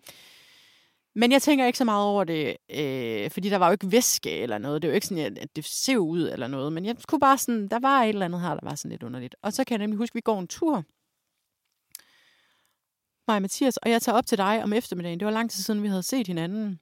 Og jeg er i uge 36 plus 4 på det her tidspunkt, så jeg har strukket den så langt. Mm. De forfærdelige uger. Øh, og jeg har danderende svangerskabsforgiftning, og har så meget vand i kroppen, og så videre, og så videre, og så videre, og jeg kan ikke passe nogen som helst former for sko, og er hele tiden så, prøver hele tiden at bilde mig selv ind, at det her, det er jo normalt, og det er der jo mange andre kvinder, der også oplever. Måske er det ikke svangerskabsforgiftning, men så får jeg så det her protein i urinen. Det fik jeg faktisk ret sent, Mm. men begynder at få det, fordi mit blodtryk var jo heller ikke sådan mega, mega højt. Altså, det var sådan lige det der 140-150 hele tiden. Men undskyld, jeg hopper i det her. Jeg tager op til dig den Mm. der dag, hvor mig og Mathias ude og gå en tur. Jeg skovle bladet ind. Jeg kan bare huske, at øh, selvom han ikke kunne kende mig, så ville hun gerne op til mig. Mm. Og jeg havde bare savnet hende så meget, og jeg havde savnet dig, og jeg havde haft, vi havde haft så travlt, og der havde Og været så Hanna meget havde savnet dig Jeg for havde sindssygt. virkelig, virkelig, virkelig savnet Hanna. Og jeg sætter mig ned til hende, og jeg kan huske, at jeg tager hende op fra gulvet. Mm. Og i det, jeg tager hende op fra gulvet, der kan jeg bare mærke, hvad fanden skete der her? Ja. Øh, og jeg siger til jer, jeg, jeg tror lige, jeg skal tisse, siger jeg. Du griner sådan lidt, og tror, du er tisset i bukserne. Ja, ja, sådan lidt. Fordi det var virkelig ikke sådan noget splash. Altså, det var sådan noget, okay, der er lige lidt varmt hernede. Sådan. Men det er jo sådan der, når man er tisset i bukser, så er sådan, ej, okay, det er lidt varmt. Altså, det er Ja, jo sådan ja. den samme ja, fornemmelse. følelse sådan. Ja. Ja. Men jeg synes ikke, jeg plejer at døje med sådan at lægge lidt tis. Så det var sådan lidt en speciel oplevelse. Så jeg går ud og tisser, og jeg tisser jo bare. Mm. Jeg har ikke fornemmelsen af, at der er noget her, der... Altså sådan, jeg får tisset lidt, og så er det det. Men jeg kan alligevel mærke, at der er et eller andet her. Jeg ved ikke, hvad det var, om det var en eller anden sjette sans, men jeg begynder faktisk at blive en lille smule sådan bange. Ja. Få sådan lidt adrenalinkick. Der tror jeg, og der, der havde jeg Der lige du- set et eller andet i fjernsynet, så jeg siger til dig, nu tager vi lige roligt, det er slet Ja. ikke sikkert det. Nu Nej. går du ud og tager et bind på, fordi hvis du, du du kan mærke, der er noget i det. simpelthen så god. Ja. Du giver mig det største bind, jeg kunne forestille mig. simpelthen en voksenblæ uden, uden holder på. Ej, det var jeg bare på lager jo. Jamen, det er jo fantastisk, fordi det får jeg jo så mørvet ned i mine trusser. Og øh, vi går ind igen og leger med Hanna, og vi lægger os på gulvet. Kan jeg huske. Og jeg prøver sådan at aflede tankerne lidt, Ja. fordi jeg sådan, jamen, hvis det var vandet, der var gået, så kunne jeg jo mærke det, når jeg rejste mig op og sådan Ja. noget, og det kan jeg jo ikke. Men det var alligevel sådan lidt, uh, jeg kunne mærke, at min adrenalin begyndte at køre lidt i kroppen. Og så da jeg rejser mig op, fordi han ville vise mig et eller andet, eller der var et eller andet, så kan jeg bare mærke, nu er det ikke for sjov mere. Ja. Det her, det var vandet, der gik. Ja. Det kan jeg bare altså, mærke, jeg, jeg husker det så tydeligt, så jeg er sådan helt... Ja, jeg sidder ja. bare og nikker, for jeg kan huske det hele så soleklart. Ja, det kan jeg virkelig Ja. også. Og så kan jeg huske, at jeg bliver pissebange. Mm. Fordi Marvin ligger forkert, og noget, vi lige skal Oh, tilføje, ja, det ja. er vendingsforsøg to gange. Øh, til hvert vendingsforsøg, der er jeg bare sådan, nu vender I ham kraftedeme om. Pres for helvede. Jeg er slangemenneske til jer, der kender Gramsespektrum. Nej, men jeg vil så gerne føde vaginal. Det var min helt, helt, helt store drøm. Det kan vi snakke om i et andet Mm. episode, måske det her med forventninger til moderskabet. Men der er allerede lang, lang, lang, lang, lang tid før jeg blev gravid, har jeg en hobbymæssig fødselsvlogs på YouTube med folk, Ja, der fødte og sådan det. noget. Jeg ville så gerne føde vaginalt. Jeg havde en mor, der, er- der har været pissegod til at føde, øh, og ingen problemer, og ikke noget, og frem og tilbage. Og jeg havde bare en eller anden fornemmelse af, at det skal jeg. Altså, det, Mm. det er min skæbne, det er det, jeg skal. Ja. Øh, og ville så gerne have den der oplevelse, og var jo samtidig pisse bange for alt, hvad der havde med medicinsk indgreb at gøre. Så kejsersnit, jeg var jo latterligt bange for det. Jeg er Mm. mm. overhovedet ikke bange for smerte. Overhovedet ikke. Slet, slet, ikke. Jeg er mere bange for epidural, end jeg var for smerte. Altså sådan, da jeg fik min tatovering, der faldt jeg i søvn. Altså min Mm. tatovering var sådan, er du, sover du? Jeg kunne bare så godt lide det. Jeg ved ikke, der er, der er et eller andet med mig og smerte. Mm. Nej, men i hvert fald, jeg er overhovedet ikke bange for smerten. Og havde en klar forestilling om, at jeg skulle føde vaginalt. Og da vandet går, der går det ligesom op for mig, det kommer ikke til at ske. Mm. Øh, og det, I det, havde det jo gik allerede, planlagt. vi, vi, det, ved andet vendingsforsøg, der er de sådan, det her, nu vil vi simpelthen ikke mere. Mm. Vi vil sim- og vi vil ikke prøve igen med det her vendingsforsøg. Og jeg havde prøvet alt muligt selv stå på hovedet derhjemme, og jamen, jamen, jeg var så desperat for, at han skulle Ja. vende sig. Og det har jo nok været, fordi jeg havde en 17 cm stor syste. Der har jo helt sikkert ikke været plads til, at han kunne vende sig om. Der var heller ikke så meget fostervand, og. Så vi havde faktisk fået planlagt det kejsersnit i uge 37, men så ender vandet jo så gå hjemme ved dig i uge 36 plus 4. Altså, jeg mindes altså også, du tog det okay cool med, at nu er det planlagt kejsersnit. Jeg ved det ikke, om gjorde du... jeg til sidst. Ja. Ja. til sidst der fik jeg ro på. Der Ja. var bare sådan lidt, nu er det det her, der skal ske. Ja.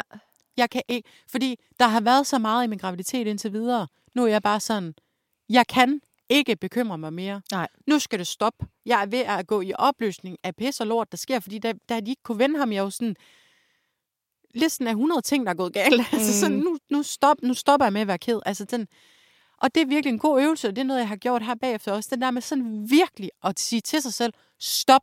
Ja. Stop med at bekymre dig. Det kan man altså godt. Hele mit liv har jeg ladet min hjerne køre sted med mig. Man kan faktisk godt sige til sig selv, stop.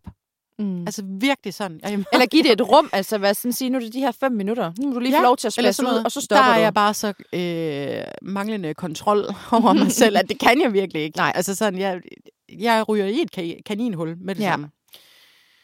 Så jeg sagde stop og af, øh, blev nødt til at affinde mig med. Jeg begyndte at glæde mig, og jeg var ude i Bilka og købe graviditet, eller sådan nogle trus, store trusser til det der kejsersnit. Det havde jeg sørget for, inden at, at vandet det jo så går hjemme ved dig. Og der tager jeg faktisk et billede af mig selv ud i Bilka, da jeg kommer ind i bilen, fordi jeg er så hævet, at jeg sådan tænker, hold da kæft. Hvad fuck sker der her? Og jeg havde mødt en kollega, jeg havde mødt en kollega ude i Nemme, hun var bare sådan, jeg havde sagt hej til hende, og hun vender sig bare om. Hun står bare og bryner sådan helt. Jeg kunne, vir- jeg kunne se på hende. Men fanden er det? Altså, jeg kunne virkelig se, at hun kunne ikke kende mig. Og det grinede vi jo af bagefter. Altså, hun kunne Men det er jo den mest mig. syrede oplevelse. Det er- og, og, det er og, og, at en situation, man, man, man kender en ønsker så sig. godt. Ja, De kan ikke kende en. Altså, man står i sin situation, hvor man er endelig blevet gravid, man skal have et barn. Det er ens allerstørste ønske. totalt. Men du er helt Så fucked up selv. det Du er fuldstændig Og fucked kroppen- up selv. Og jeg er så dårlig til ikke at have kontrol over min egen krop. Mm. Og så sker det her bare. Der sker ting på ting på ting Ja. ja. på ting på ting, som jeg ikke er herover. Og så sker det jo så, at vandet det går, og jeg går lidt i panik, og jeg kan huske, at du er bare, du er så god i den her situation, og jeg kan sådan mærke... Ja, men jeg går også i panik i to sekunder. ja det kan jeg godt. Det kan jeg Fordi jeg, vi står der i gangen, hvor du lige sådan bliver sådan helt, og du begynder at græde, der er bare sådan et, okay, jeg har aldrig set dig så ud af den før. Nej. Fuck. Og jeg står og ryster hen Ja. med min jakke, og jeg siger sådan til dig, hey, Katrine, her ring Ja. til nogen. Og, Ja. og du er sådan, hvad skal jeg ringe til? Det er 112. Hvad, hvad er nummer, hvad er nummer til 112? Jeg står og siger, hvad er nummeret til det to? Og sådan, Bjørn, hvad, hvad er det nu nummeret er til det to? Nu skal I ikke være bange for at få os som sygeplejersker i fremtiden. Nej, Vi er nogle nej, fremragende nej. sygeplejersker. Nej, men helt alvorligt, du var bare min ro der. Altså sådan, jeg ved simpelthen ikke, hvad jeg Ej, skulle det var splitsekunds uro. Altså, da jeg får ringet 112 langt om længe, da jeg finder ud af, at det er 112, Ja. Og så kommer der ligesom med dem, og du har bare på. sådan en stemme, du har lige nu. Sådan lækker stemme sådan, øh, ja, jeg har en veninde her, hun er, vandet det er lige gået, og du er bare sådan rigtig ro, og jeg ligger bare og ryster af adrenalin, ro, og, eller ros, og ikke ro, der var overhovedet ikke ro på mig. Adrenalin ro, ja. Ej, men jeg var, jeg var rigtig bange for, at der var noget galt med ham. Virkelig bange. Ja. Og jeg tænkte, skal jeg til at have nu? Hvad, hvad skal der ske? Og det er sådan en syret fornemmelse, man, man ved jo godt inderst inden, han kommer nu. Mm. Det var jeg slet ikke forberedt på. Nej, det var der ingen, der var, vil jeg så Nej, sige. det var det virkelig ikke.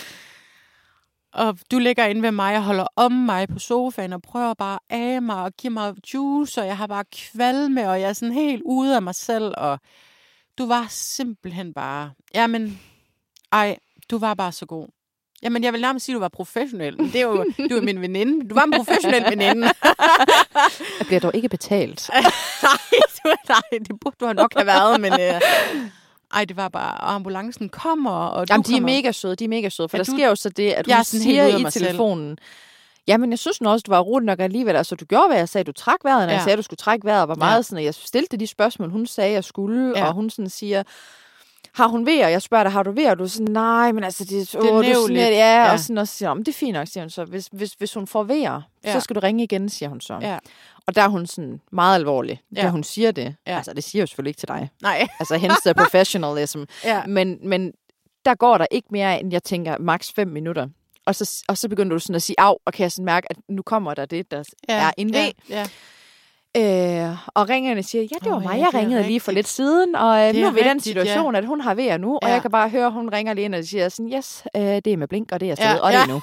Åh, oh, nej. Og de kommer kørende, og så sker der det fuldstændig tragikomisk, da de kommer, øh, ambulancemændene, de er sådan, for det første, så da jeg kom ud i døren, og de siger sådan, øh, at, at, og jeg siger sådan, jamen det her er sådan, ej, ej, det er ikke det rigtige navn, siger de. Så var jeg sådan, Nå, jo, jo, jeg er sådan, ja, jo, det er ja. Helene. Så, Ja. Nej, men de kunne slet ikke forstå det. Nej. Så kigger de bare på mig, og så kigger de på trappen, så de bare sådan, ja, vi får ikke borgeren herop, siger Nej, de så. Og nej. du har bare fået at vide, du, du rejser dig ikke. Nej, men Du skal ligge på det her gulv, og du han, rejser dig ikke. Ja, fordi han, ja, fordi han lå Ja. forkert. Ja. Så vi er sådan, og det er sjovt, at jeg fortalte dem en om det for nylig, fordi det var sådan, der var du nemlig lige dig selv i det der øjeblik, kan jeg Ja, huske, ja. du, fordi du var sådan, jeg siger sådan, "Jamen, så, må- så må du jo ligge ned på jorden, du må kravle, så må vi løfte dig i arme Ja, og ben ja, og sådan ja. noget, og, og min mor kom og taget Hanna, og Bjørn så Ja. skulle og hente Mathias og sådan noget, så jeg Ja. bare sådan, nu skal vi bare have dig ud af den ambulance til rundt, og du er bare sådan, fuck det, jeg går Ja. bare, og du, du, du gider du bare ikke mere pæs, og så går du bare. Og så får Men du jeg altså det stavlet ud i ambulancen. Jeg følte, de der ambulancefolk, de var sådan lidt, de var sådan lidt nederen, fordi de var sådan, ja, det gør vi ikke. Og det kunne de jo heller ikke. Nej. Altså, de kunne jo ikke få borgerne op. Men så var jeg bare sådan, okay, fint nok. Fuck jer. Øh, nu går jeg bare derud. Jeg går selv. Ja, så må han falde ud, eller hvad? så må jeg føde her. Ja, men jeg, jeg, jeg er helt adrenalin. Ej, jeg kunne faktisk godt begynde at glæde mig lidt der i ambulancen. Altså, man var sådan lidt spændt på sådan en. Der var jeg ikke sådan bange. Jeg var sådan... Og jeg var stadigvæk lidt bange, men jeg var, jeg var også sådan lidt spændt, kan jeg godt mærke. Det Mm. begynder sådan at gå op for mig, at jeg skal se ham i dag. Og, sådan, Ja. Og du var bare, du var bare så god. Og vi, jeg kunne huske, vi grinede en lille bit smule. Ja, vi og, gjorde nemlig Ja, det så. gjorde vi, ja. Mit blodtryk var rigtig højt, men jeg lå jo også rystet af Ja. adrenalin, ting og sådan noget. Øh, og så kommer vi ind på en fødestue, kan jeg huske, og, og jeg er bange, men jeg bliver mere og mere spændt. Altså sådan, jeg ligger sådan og ryster lidt, og de, de er bare sådan meget, ja, men øh, vi tager det stille og roligt, og ja, jeg følte virkelig ikke, at der var sådan noget babu, Nej. hallo, et eller andet. Altså sådan, jeg følte Men han mig- sagde også, ham ambulancemanden, kan jeg huske, og var også bare sådan, er du ikke lidt kav? Ja. Men, men han siger sådan, altså, og det er jo et forsøg på at være morsom, tror jeg, men det er også, sådan, det er også svært med humor, når man er i en Mm. situation, for du aner bare ikke, om du snakker sig. Nej, du aner nej, ikke, hvordan nej, de tager imod nej. det, hvor de får sagt andet. Ja, det er jo ikke, fordi det sådan er vildt alvorligt, men altså, du skal fandme ikke føde det barn her i min ambulance. Nej, det eller kan jeg siger huske. Var jeg bare Det kan jeg du huske. Ja. Hvorfor siger du sådan noget pis? Ja, jeg har altså, bare sådan lidt, Nå, men så skal jeg nok knibe benene sammen, eller hvad, og så... Vi øh, presser tilbage. Ja, ah, men helt ærligt, jeg kan huske, det var en mega nederen kommentar. Ja, Ja, det er men dit altså- arbejde for helvede. Du er paramedicin, og du skal Ja. ja. kunne håndtere sådan noget her. Hvorfor siger du det? Men det tog altså, så ikke mere end 8 minutter ud for os. Ej, det er der normalt tager 20 minutter, Ja. eller 25 minutter, den tager 8 minutter, så, ja, så det er ikke længe, vi skal døje med de to. Nej, vi er jo virkelig hurtigt derinde. Ja, det er rigtigt. Men jeg kan huske, at jeg kommer ind på fødestuen, der er virkelig en god stemning, og Kæft, Ja, folk var søde. de var Altså- så søde. Altså, og selvom jeg lå der og rystede og var sådan lidt, de var bare, der var bare sådan en dejlig ro, det var bare så vigtigt for mig. Altså virkelig, virkelig vigtigt. Øh, og jeg var sådan lidt bange, og, men alligevel lidt spændt, og jeg kom op på den der stol, og har bare stadigvæk mega meget vandsivning der, og det har bare, jeg kan huske, vi griner lidt af, fordi at jeg sådan får sagt, og det er selvfølgelig sådan lidt luk lige ørerne, min familie og sådan noget, men jeg siger sådan, det lugter godt nok af sæde, det her. Sådan Ja, det er bare sådan, det? yes, det er fostermand, Ja. siger de så bare. Og Ja, det lige vidste jeg ikke. Nej, og så er jeg bare sådan, hvorfor er der ikke nogen flere, der siger det? Ja. Det er da mega brugbart at vide. Prøv Ja. høre. Hvis du er i tvivl om det er vandafgang, Lugt. hvis det lugter af sæd, så er det vandafgang. altså sådan, og det kan jeg bare huske, vi griner af, og der er bare Mhm. sådan virkelig god stemning, og jeg, jeg føler ikke lige, at jeg har en tidsfornemmelse, for jeg kan faktisk ikke huske, hvor lang tid der gik der. Der gik nok ikke så lang tid, men jeg tror, Nej, Mathias var der mega hurtigt, og Jeg jeg, var nåede ikke at være der mere end 10 jeg føler, minutter, at vi var der i en time eller et eller andet. Det var vi jo nok ikke, men jeg kan huske, ind kommer der bare en kvinde, og jeg aner ikke, hvem hun er. Jeg tror, hun var på tør, øh, men hun har bare en ro over sig. Kommer bare ind, hun er et stort smil. Rolige øjne. og jeg, jeg begynder faktisk at græde. Jeg er sådan lidt, du har bare en mega god ro, som jeg har brug for. Du, du er bare så glad, og, og så har hun kraftet med kiron. Altså, så er det hende, der skal lave kejsersnittet, og så er hun bare sådan, det skriver jeg da lige på mit CV. Jeg kunne se, hun blev Ja, faktisk hun var lidt, så sød. Ej, hun, hun blev faktisk lidt rørt over, at Ja. jeg blev lidt rørt over hendes tilstedeværelse. men det er jo også vildt som professionel at have den effekt på en patient som dig, der ligger der. Jeg havde, jeg havde lige lagt, jeg tror, det var på den samme stue med hende, der den forfærdelige læge, der har bare været sådan, hvis ikke du tager det her medicin, så ved jeg snart ikke, hvad jeg gør, og sådan mm. noget. Altså sådan, hun kommer ind, hun er bare så rolig, jamen, der går lige. Der kan, det er, når der er tid, så kommer du bare op og får det kejsersnit, og så, hvis der har du nogle spørgsmål, så kommer anestesilægen, og jeg er rigtig, rigtig, rigtig bange for den epiduralblokade, fordi jeg havde læst en masse forfærdelige ting om blodtryksfald, og at øh, der var en, der havde oplevet, at hendes ben blev lamme, og det, så fik hun angst, imens hun lå der, og så tænkte jeg, hvis der er nogen, det skulle ske for, så var det da i hvert fald ja. godt nok mig. Men jeg kommer ind på operationsgangen, og folk er bare så søde, og det går bare slag i slag, og ja, folk er så søde, og der er sådan en god stemning, og hende anestesilægen er så sød, og hun er meget sådan, okay, jeg siger til hende, jeg har godt nok virkelig tendens til lavt blodtryk, og hun er meget sådan, jamen vi gør det meget forsigtigt, og hun var, hun var så sød og så god. Og jeg får det der stik, og jeg er bare sådan, hold kæft, hvor er det dejligt. Jeg lægger mig ned, og jeg er meget sådan, åh, oh, jeg er lidt spændt. Og lige så snart jeg kan mærke, at jeg bliver lam, så er jeg bare sådan, hold kæft, hvor er det dejligt. Sikke en dejlig ro. Jamen faktisk, ja. Hvorfor er der ikke nogen, der siger noget mere om det? Det var ja. faktisk fucking dejligt ikke at kunne mærke sig selv. Ja. og jeg ved ikke, om det er, fordi jeg er et menneske, der bare generelt er alt for meget nede i min krop og mærker for meget efter altid. Men jeg er bare sådan, ej, hvor er det dejligt ikke at kunne mærke en skid. Ja, altså, der er lige nogen, der slukker, når man ikke Der lige selv kan. Ja. ja. Øh, ikke fordi det ikke var ubehageligt, for man kan jo godt mærke, at de roder rundt ind i en. Man lægger jo der og mosler rundt, altså sådan... Jeg kan vi lige snakke om, at der ikke er nogen, der fortæller os det? Ja, at man faktisk altså, godt kan øh, mærke. Og, og, jeg vil sige, og der er selvfølgelig måske også en lille smule forskel på, om det sådan er semi-akut, eller det er sådan er et akut rigtigt. kejsersnit. Ja, det er rigtigt. For der er forskel på, om det må tage en halv time, eller om Ja. det tager 10 minutter. Ja, lige præcis. Øh, fordi med Hanna, altså jeg ligger, jeg føler, nu ryger jeg ned på gulvet, fordi jeg bliver rusket de så skulle, meget hun i. skulle bare ud, ud, ud. Og det var bare nu, for hun havde Ja. det jo ikke godt jo. Nej, hun havde det ikke altså godt, nej. under fødslen der. Nej. Og, og det var jeg slet ikke forberedt på. Nej. Altså, jeg, når jeg sådan tænker tilbage, øh, det er noget, der står aller klart for mig. Det er, Ja. at jeg bare sådan føler, at min arm og mit hoved, jeg ligger bare sådan her, og Ja, jeg kan slet ikke... ja. Og sådan Bjørn sidder ved siden, og jeg hopper bare sådan, ja. Ja. jeg kan slet ikke kigge på noget. Jeg kan Nej. slet ikke... Øh, Nej. hvor jordens sødeste sygeplejerske også bare sidder og ærer mig på panden og siger, det er fuldstændig, ej, som det de skal er være. så og, søde. Ja. ja.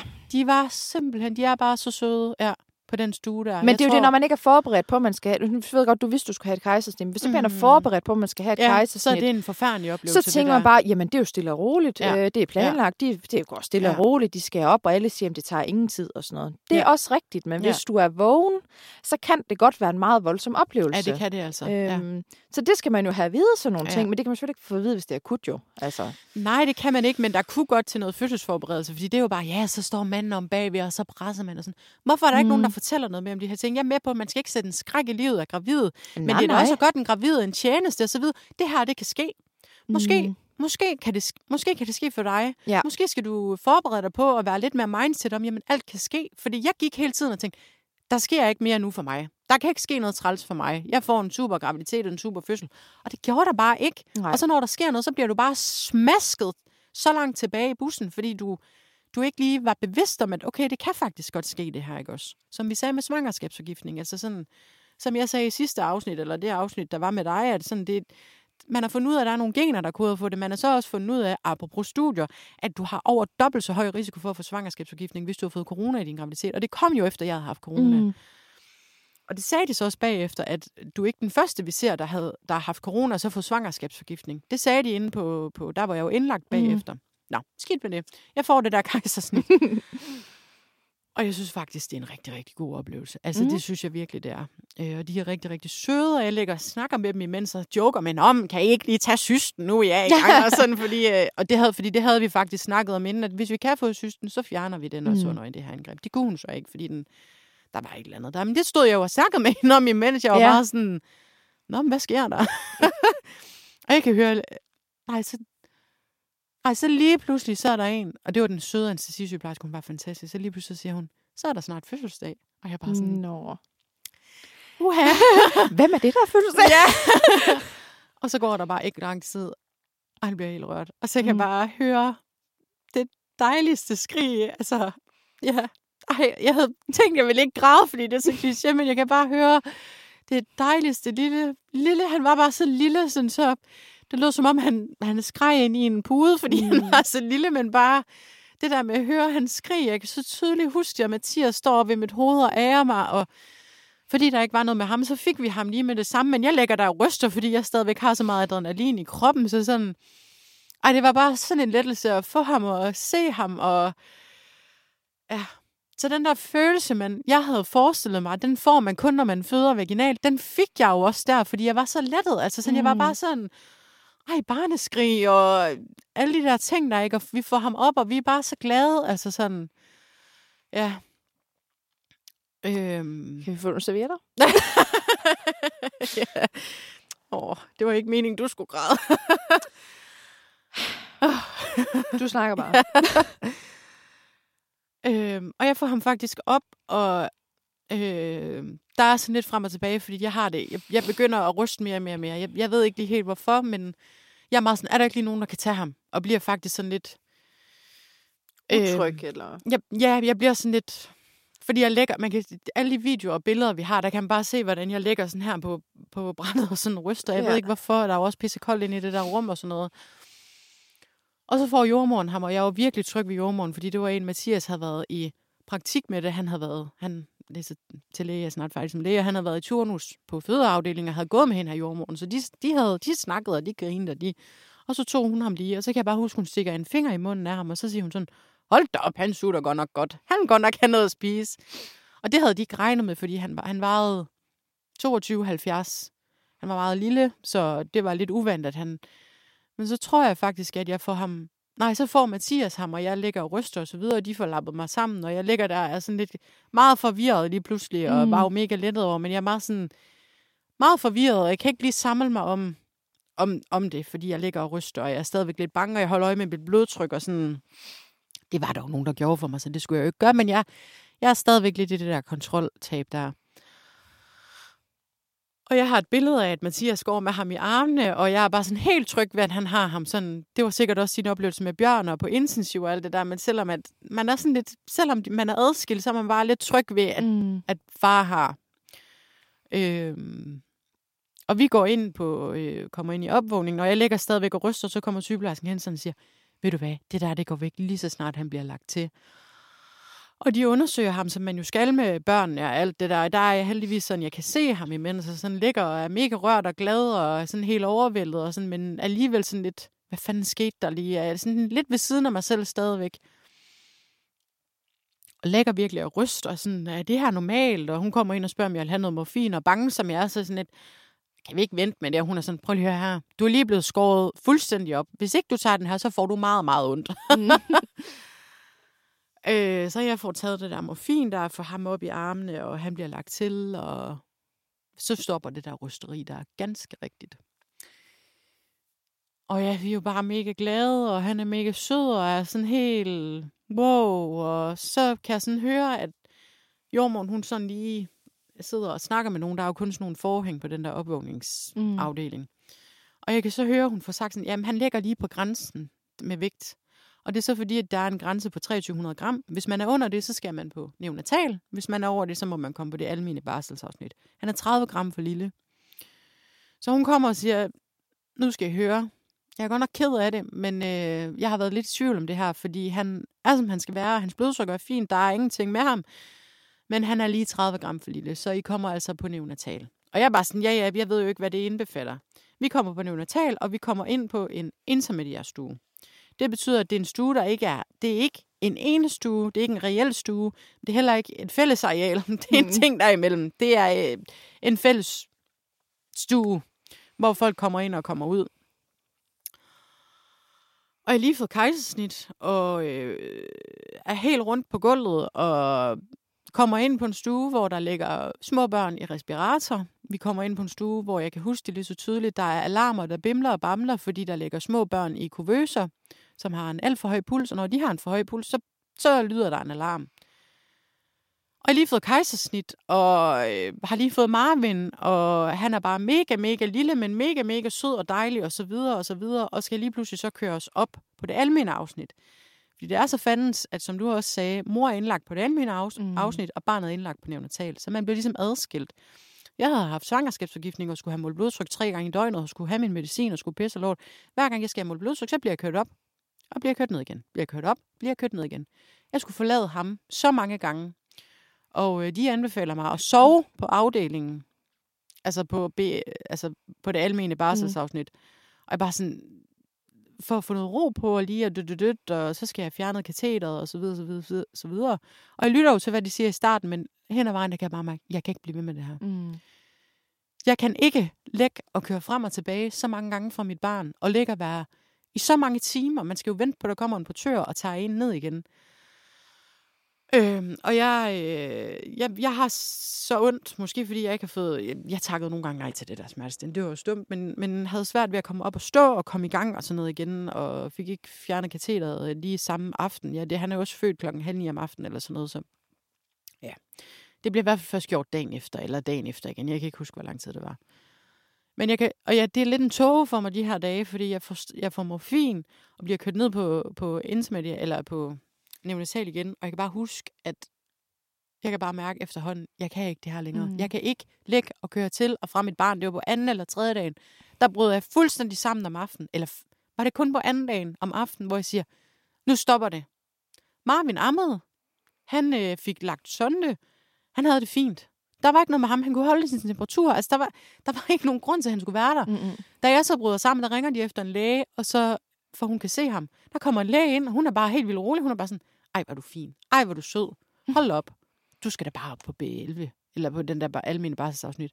Så er jeg bare sådan, hvorfor fanden gjorde I ikke? Det er noget før. Ja. Altså, der er ikke sket noget med ham. Han er ikke blevet dårligere, han er ikke blevet bedre. Eller, eller han er blevet bedre. Altså sådan, han var jo ikke dårlig til at starte med, så det er jo Nej. ikke engang sådan, at der, man kan sige, Nå, så er han godt, så kan vi komme derop. Hun bare sådan, var du fin? Var du sød? Du kan sutte. Du uh, kan holde din temperatur. De skal mm. da bare... Hvorfor? Øh. Nå, Ja. fuck det. Det korte og lange, det var... Systemer, systemer, systemer. Ja, hold ja. nu kæft, mand. Nå, vi kommer derop, og jeg kan bare huske, at øh, vi kommer ind på den stue, hvor I også var på, hvor der er fem senge, og det er en stor stue, og så videre, og så videre. Får det stille og roligt bedre og bedre. Øh, og Marvin åbner øjnene, mens vi er der, og ja, men øh, jeg er øh, helt alert. Jeg, jeg kan simpelthen ikke slappe af min krop efter den her oplevelse. Jeg har stadigvæk højt blodtryk, og skal have målt det, og pis og lort, og frem og tilbage, og medicin, og på en måde er det bare en stor tog for mig, det her forløb. Mm. På en anden måde, der er jeg bare så op og køre, og så mit, mit, alarm, mit system er bare, og jeg kan virkelig ikke lide at være indlagt. Jeg kan ikke lide, jeg, det er en arbejdsskade øh, som sygeplejerske. Jeg kan ikke lide at være patient. Bare Mhm. mm. lugten af at have patienttøj på, jeg kan ikke holde det ud. Nej. Bare det at have en i armen, som jeg har lagt så mange gange, jeg kan slet ikke klare det. Og den skulle blive siddende, fordi der er jo risiko for svangerskabsforgiftningsforværing, efter man har født. Jeg kunne ikke holde det ud. Så kan jeg huske, at vi får skiftet stue langt om længe. Og der kommer vi ind på en stue, og jeg kan bare, du ved, da jeg lige kommer ind på den, det er så sådan en tomandsstue, der kan jeg bare sådan lugt. Der lugter ikke dårligt, men der lugter bare så overdrevet meget af andre mennesker. Mm. Og de der, de der tomandsstuer, de er grotesk de små. er så små. Der kan lige akkurat De være to senge, og så små. har Ja. du klæde imellem. Altså, sådan, og, og, altså, du, Ja. kan jo, du kan jo lugte folks øh, ånde, altså du kan jo Hør mærke alt. deres øh, deres temperatur. varme, ja. ja. Og jeg kunne bare mærke, da jeg kommer ind i det der rum, det var ikke, fordi det lugtede dårligt, eller noget lidt dårligt måske. Der var, der var bare en lugt af andre mennesker, Mm. der Så man skal forholde sig Så til. skal, jeg fik den der mur lige i hovedet. Mathias Mm. var lige gået hjem, og jeg skulle amme amningen op og køre og pisse og lort og møg og håndudmælk og det ene og det andet. Jeg bryder fuldstændig sammen. Ja, din mand er også lige gået fra dig. sammen. Altså, Mathias var der ikke. Sygt Jeg har et lille barn med sonde, og jeg skal lære at amme, og jeg havde alle vores ting med i den der seng, og kørte selv sengen sammen med syge. Jeg var helt ved siden af mig selv. Går Mm. ud på toilettet, kommer ind igen. Stuen er fyldt med mennesker. Og jeg bebrejder dem ikke, fordi det havde jo været en enestue. De havde måske været ja. vant til, at de bare kunne have børn og mand og familie og hund og kat og svigermor og svigerfar og pis og lort. Men de skulle kraftedeme ikke være derinde på stuen, da jeg var der. Nej. Sorry to say, jeg brød fuldstændig sammen. Og det der med hendes lille pige, hun, hun var lidt træt, og sådan, hun begyndte at sådan sige, mor, mor. Og jeg, det gik bare lige i min krop, mm. Mm. det der med hende pigen. Og jeg brød fuldstændig sammen, og jeg går direkte ud og ringer til dig. Jeg ved ikke, om du ja. ja. det, men jeg var bare sådan, godt. kan det virkelig passe, at det må være sådan? Og jeg, jeg var så ked af det. Jeg tog Ja. ja. bare Marvin i armene, lille som han var, to kilos lille baby der, og var bare sådan, nu gider jeg ikke mere. Nu sætter jeg mig ned på en stue, og så sidder jeg dernede i mørk, og så sad jeg der og ringede til dig. Og du fik så meget ro på mig. Altså, ej, nu bliver jeg helt rørt igen. tak, min skat. Du var bare... Jamen, du var så god lige der. Fordi du var virkelig bare sådan... Du sagde det kraftigt, men bare som det var. Det er ikke i orden, det der. Mm. Det var så vigtigt for, om, for mig at høre, at der bare var en, der var sådan... Det der, det er fandme ikke i orden. Gå ud og snak med en sygeplejerske om det. De skal ikke være inde på den stue. Altså... Mm. Så det gik jeg ud. Så gik jeg ud grædende med Marvin i armene, efter jeg havde snakket med dig. Så var jeg bare sådan, jeg kan ikke klare det, der er så mange inde på stuen. Og jeg var, jeg var helt følelsesmæssigt brav, altså.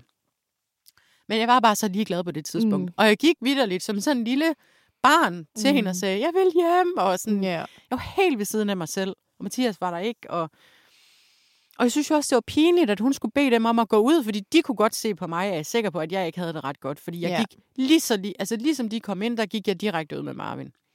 Jeg kunne ikke selv få mig til at sige noget til dem, fordi ja, jeg er ikke sådan... Jamen, fuck, det er også grænseoverskridende. Puha. Jeg, havde, jeg lå jo også på en dosingstue Ja. ja. efter den første nat.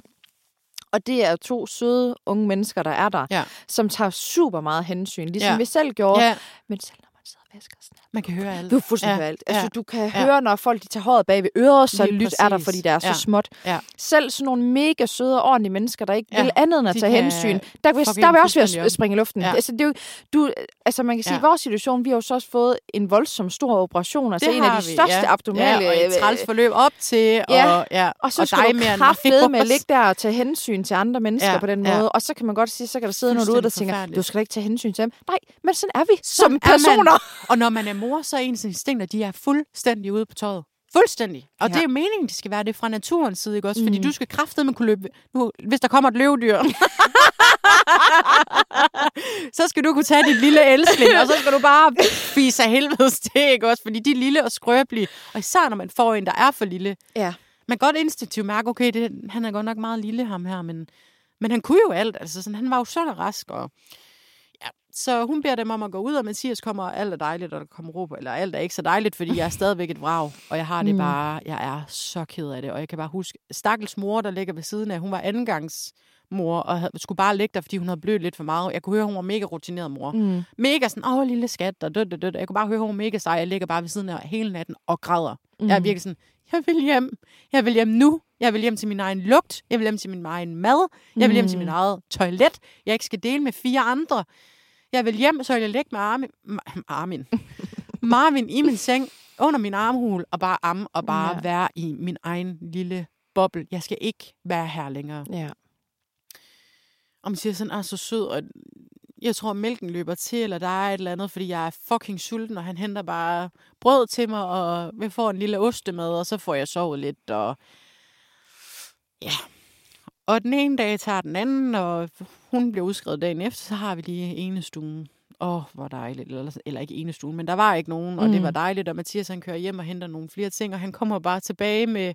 Jeg havde bestilt nogle ting på Zalando, sådan nogle graviditetsbukser, han kommer med, og vi var jo slet ikke forberedt, så han henter nogle flere ting, og han har taget chips og dip med, mm. og en computer, så vi kunne se øh, i hus til halsen. Og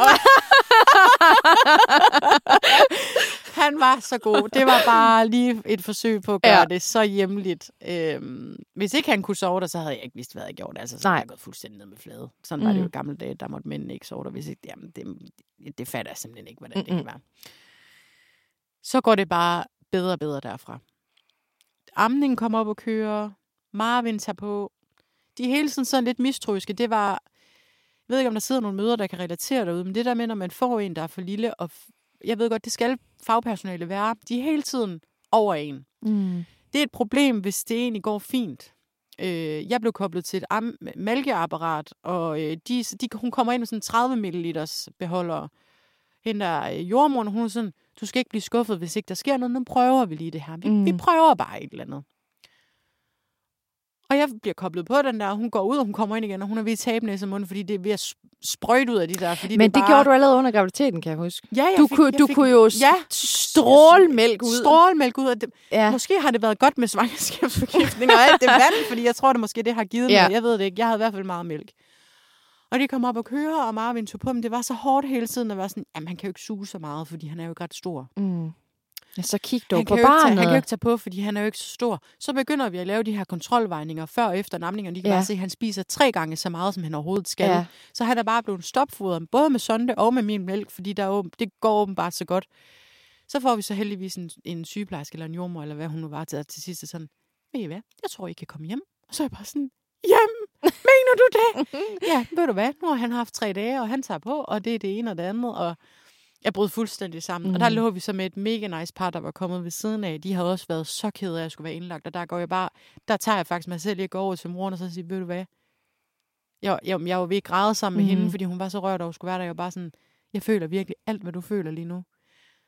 Er der for varmt? Er der for koldt? I tænder bare lyset. I gør bare, hvad I, hvad I vil. I skal ikke tænke på os. Altså sådan, I, I gør bare, hvad I Mhm. har... Fordi vi, vi er åbne, og vi, vi har lige med alt det der igennem, som I lige har været ja. igennem med at skulle være indlagt på den måde. Og hun kunne høre, at vi skulle hjem, og hun, hun blev bare mega rørt og lækker derovre. Jeg kan bare sådan høre, hun blev også mega rørt over, at vi skulle hjem, fordi det havde været sådan en lille rejse, vi havde været på Ja. sammen. Vi havde bare synes det havde været så forfærdeligt at skulle være indlagt og alt sådan noget. Det var, ja. Men prøv at se, hvor meget det betyder, at man står med nogen, Ja, der kan sige, ved du hvad, jeg Ja. forstår dig. ja Jeg forstår præcis. dig, og der er ja. plads og rum til, hvad end du føler. Lige præcis. Det Når man gør en endelig skal være i den forskel. situation, hvor man skal tvangsfo- tvangsindlægges ja. med andre mennesker, var jeg lige ved at sige, men så skal det da være med nogen, der forstår en, ikke? Og ja. nogen, man synes er nice. Og ja.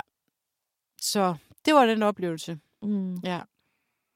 Og der var du, nu bliver jeg sådan lidt igen, men du var virkelig min redning i alt det her, fordi et, du havde været det igennem igen. To, du var bare pisse sej, da I var det igennem. Altså sådan, jeg ved godt, du måske også har været igennem de her ting, som jeg har været igennem, men jeg følte bare, at du kunne håndtere det så meget bedre. Jeg tror også, og det kan jeg jo så sige nu, nogle gange, så tror jeg også, jeg viste, at jeg håndterede det bedre, fordi jeg vidste, det her, det skal du igennem på et tidspunkt. Ja. Hvis jeg viser Ja. dig, hvor hårdt det her det er Ja, for er mig, også så kommer rigtigt. du til at gå helt i stykker af det, fordi det Ja. ville jeg selv have gjort, tror ja, jeg. ja. Så det har jo også sådan, altså, jo, altså, ja, både og. Følte du, du har pyntet lidt på det? Nogle gange, Ja, altså ja. sådan, jeg kan huske nogle gange, hvor du sådan spurgte, åh, nu er det jo sandheden. Ja, men det synes jeg, jeg kan sådan huske, Så kan vi sidde her og re- efterreflektere. jeg kan huske nogle gange, når, de, når du sådan spurgte, hvad nogle af mine de der tal, de var. ja, Der tror jeg faktisk, en af gangene, der løg jeg. Der tror jeg, jeg løg mit tal dårligere. lavere. For at give dig noget ro, fordi ja. jeg Ja. tænkte, det er fuldstændig ligegyldigt, hvad mit tal det er Ja, lige nu. ja, ja, det ja. eneste, du har brug for, det er, Ja. det er lidt tryghed Ja. og, og lidt trøst. Ja. Så hvis jeg lyver mit tal lidt dårligere, Ja. så det er tættere på dit, så får du måske noget ro. Ja. For der sker det, der sker. Ja. Apropos det, vi har snakket om Ja, øh, så mange gange før. Der sker det det, der sker. Ja, Hvis ja. jeg siger til dig, at mit tal det er 200 dårligere end det er, og det Ja. giver dig noget ro den Ja, aften, Ja, og det så stadigvæk viser sig at være noget galt, så Ja. du måske haft to rolige dage, i stedet Ja. for to dage, hvor du Ja altså... Men hvad med alt det der med efterindlæggelsen, og da I var indlagt og sådan noget? Lad du også skjul på noget der? Eller? Det er jo svært at huske, hvad jeg har sagt, altså, sådan, men Ja. jeg synes faktisk, det var totalt forfærdeligt også, Ja, at være indlagt ja, der ja, anden gang. ja, Altså, ja. Men jeg tror, jeg var meget sådan, det jeg sådan lagde væk på, det var meget det der med, at uh, Bjørn ikke måtte være der. Ja, At jeg følte sådan min ja. eneste klippe, min Lige eneste præcis. ro. Vi har Den ene- nogle rigtig gode mænd. Ja, og den eneste, der sådan gjorde, at jeg sådan følte, her er min familie, Ja, her er mit vi, hjem. og her er der en, Ja. der passer på mig, Ja, at han bare blev bedt om at gå hjem. ja, ja. Fordi Jamen, at vi kommer der ned frygteligt. klokken 4 om- eller klokken 6 om morgenen. Besøgstid starter først 8.30, så Bjørn skal Jamen, faktisk gå hjem. Er kæft, sådan. Øh, og så skulle hun pænt gå rundt og spørge alle de andre fire Ja. kvinder, fordi det er på en femsengsstue, Ja. spørge alle dem, er det okay, han bliver her? Hvor Ej, jeg bare siger, hvis der, hvis der er en, der siger nej, så smadrer jeg vedkommende. Ja, ja, Det er da for sygt at blive efterladt på den måde ja, ja, på, ja. på, på sygehuset. ja. Ja. Ja. Men altså, og igen kan man bare bruge det råd, du, du sidste gang. Der sker det, der sker. Mm. Jeg øh, sidder i dag og har en helt, det har han altid været, fantastisk søn, øh, og er kommet mig, kommet mig over det her forløb, jeg har været igennem. Øh, selvfølgelig sidder det der stadigvæk, også i forhold til en fremtidig graviditet. Det ved jeg ikke, om vi kan snakke om en anden gang, men altså sådan, jeg troede ikke, at jeg skulle komme over det her. Jeg troede, jeg skulle have kraft. Jeg troede, jeg fik abort. Jeg troede mm. alle mulige ting. Og hvis der er et råd, jeg kunne give til mig selv, så ville det være, at det kan man jo godt sidde og sige bagklogskabens lys, Mm. når tingene de går godt.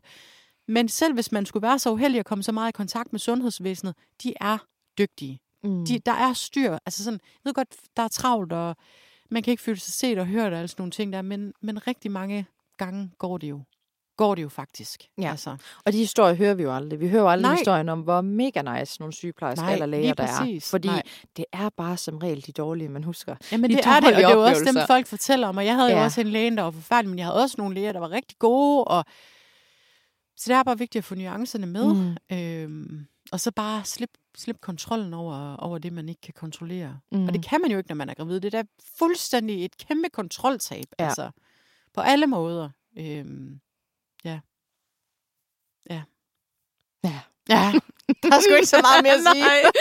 Nej. Ja, så Men tak for at dele din historie det er mig, der siger tak. med for- sammen. At, ja, jeg håber, du kan mærke, hvor taknemmelig jeg har været. Jamen, det over kan jeg. Jeg er sådan helt, jeg er helt øh, både grædfattig og helt paf. Det var ikke, fordi det skulle handle om, at jeg skulle komme med en eller anden tak. Men Tag også imod penge. ja. Hvad er det nu, det hedder? Af- aflad? Nej, det er ikke. Nej, Nej, det er aflad, noget- det er, hvis man har gjort noget dårligt. Man skal... Det er jo sådan noget i den katolske kirke, når du... You're my priest, I'm your... ja, nej. Men vildt nok at dele. Altså sådan, ligesom du nok havde det sidste gang, man er sådan lettet, men man er alligevel sådan, det er vildt at, at gå igennem alle de der ja. ting igen. Sådan. Ikke fordi det er en dårlig sådan ting, men jeg kan virkelig mærke, hvor vigtigt det er, at man skal huske de gode ting. Ja. ja. Det er mit take på det her. Ja, Hold fast i de gode ting. den hopper jeg med på. Ja. Og så tror jeg, vi siger tak Så siger vi tak for nu. Ja. Det var det. Og tusind tak, fordi I lyttede med. Tusind tak, fordi I lyttede med. Har I nogle spørgsmål? Har I noget til os? Har jeg stemmer og mig, efter I har været gravid? Så skriv til os på vores Instagram. Ja, Tak for det. det var alt for barselsfeber.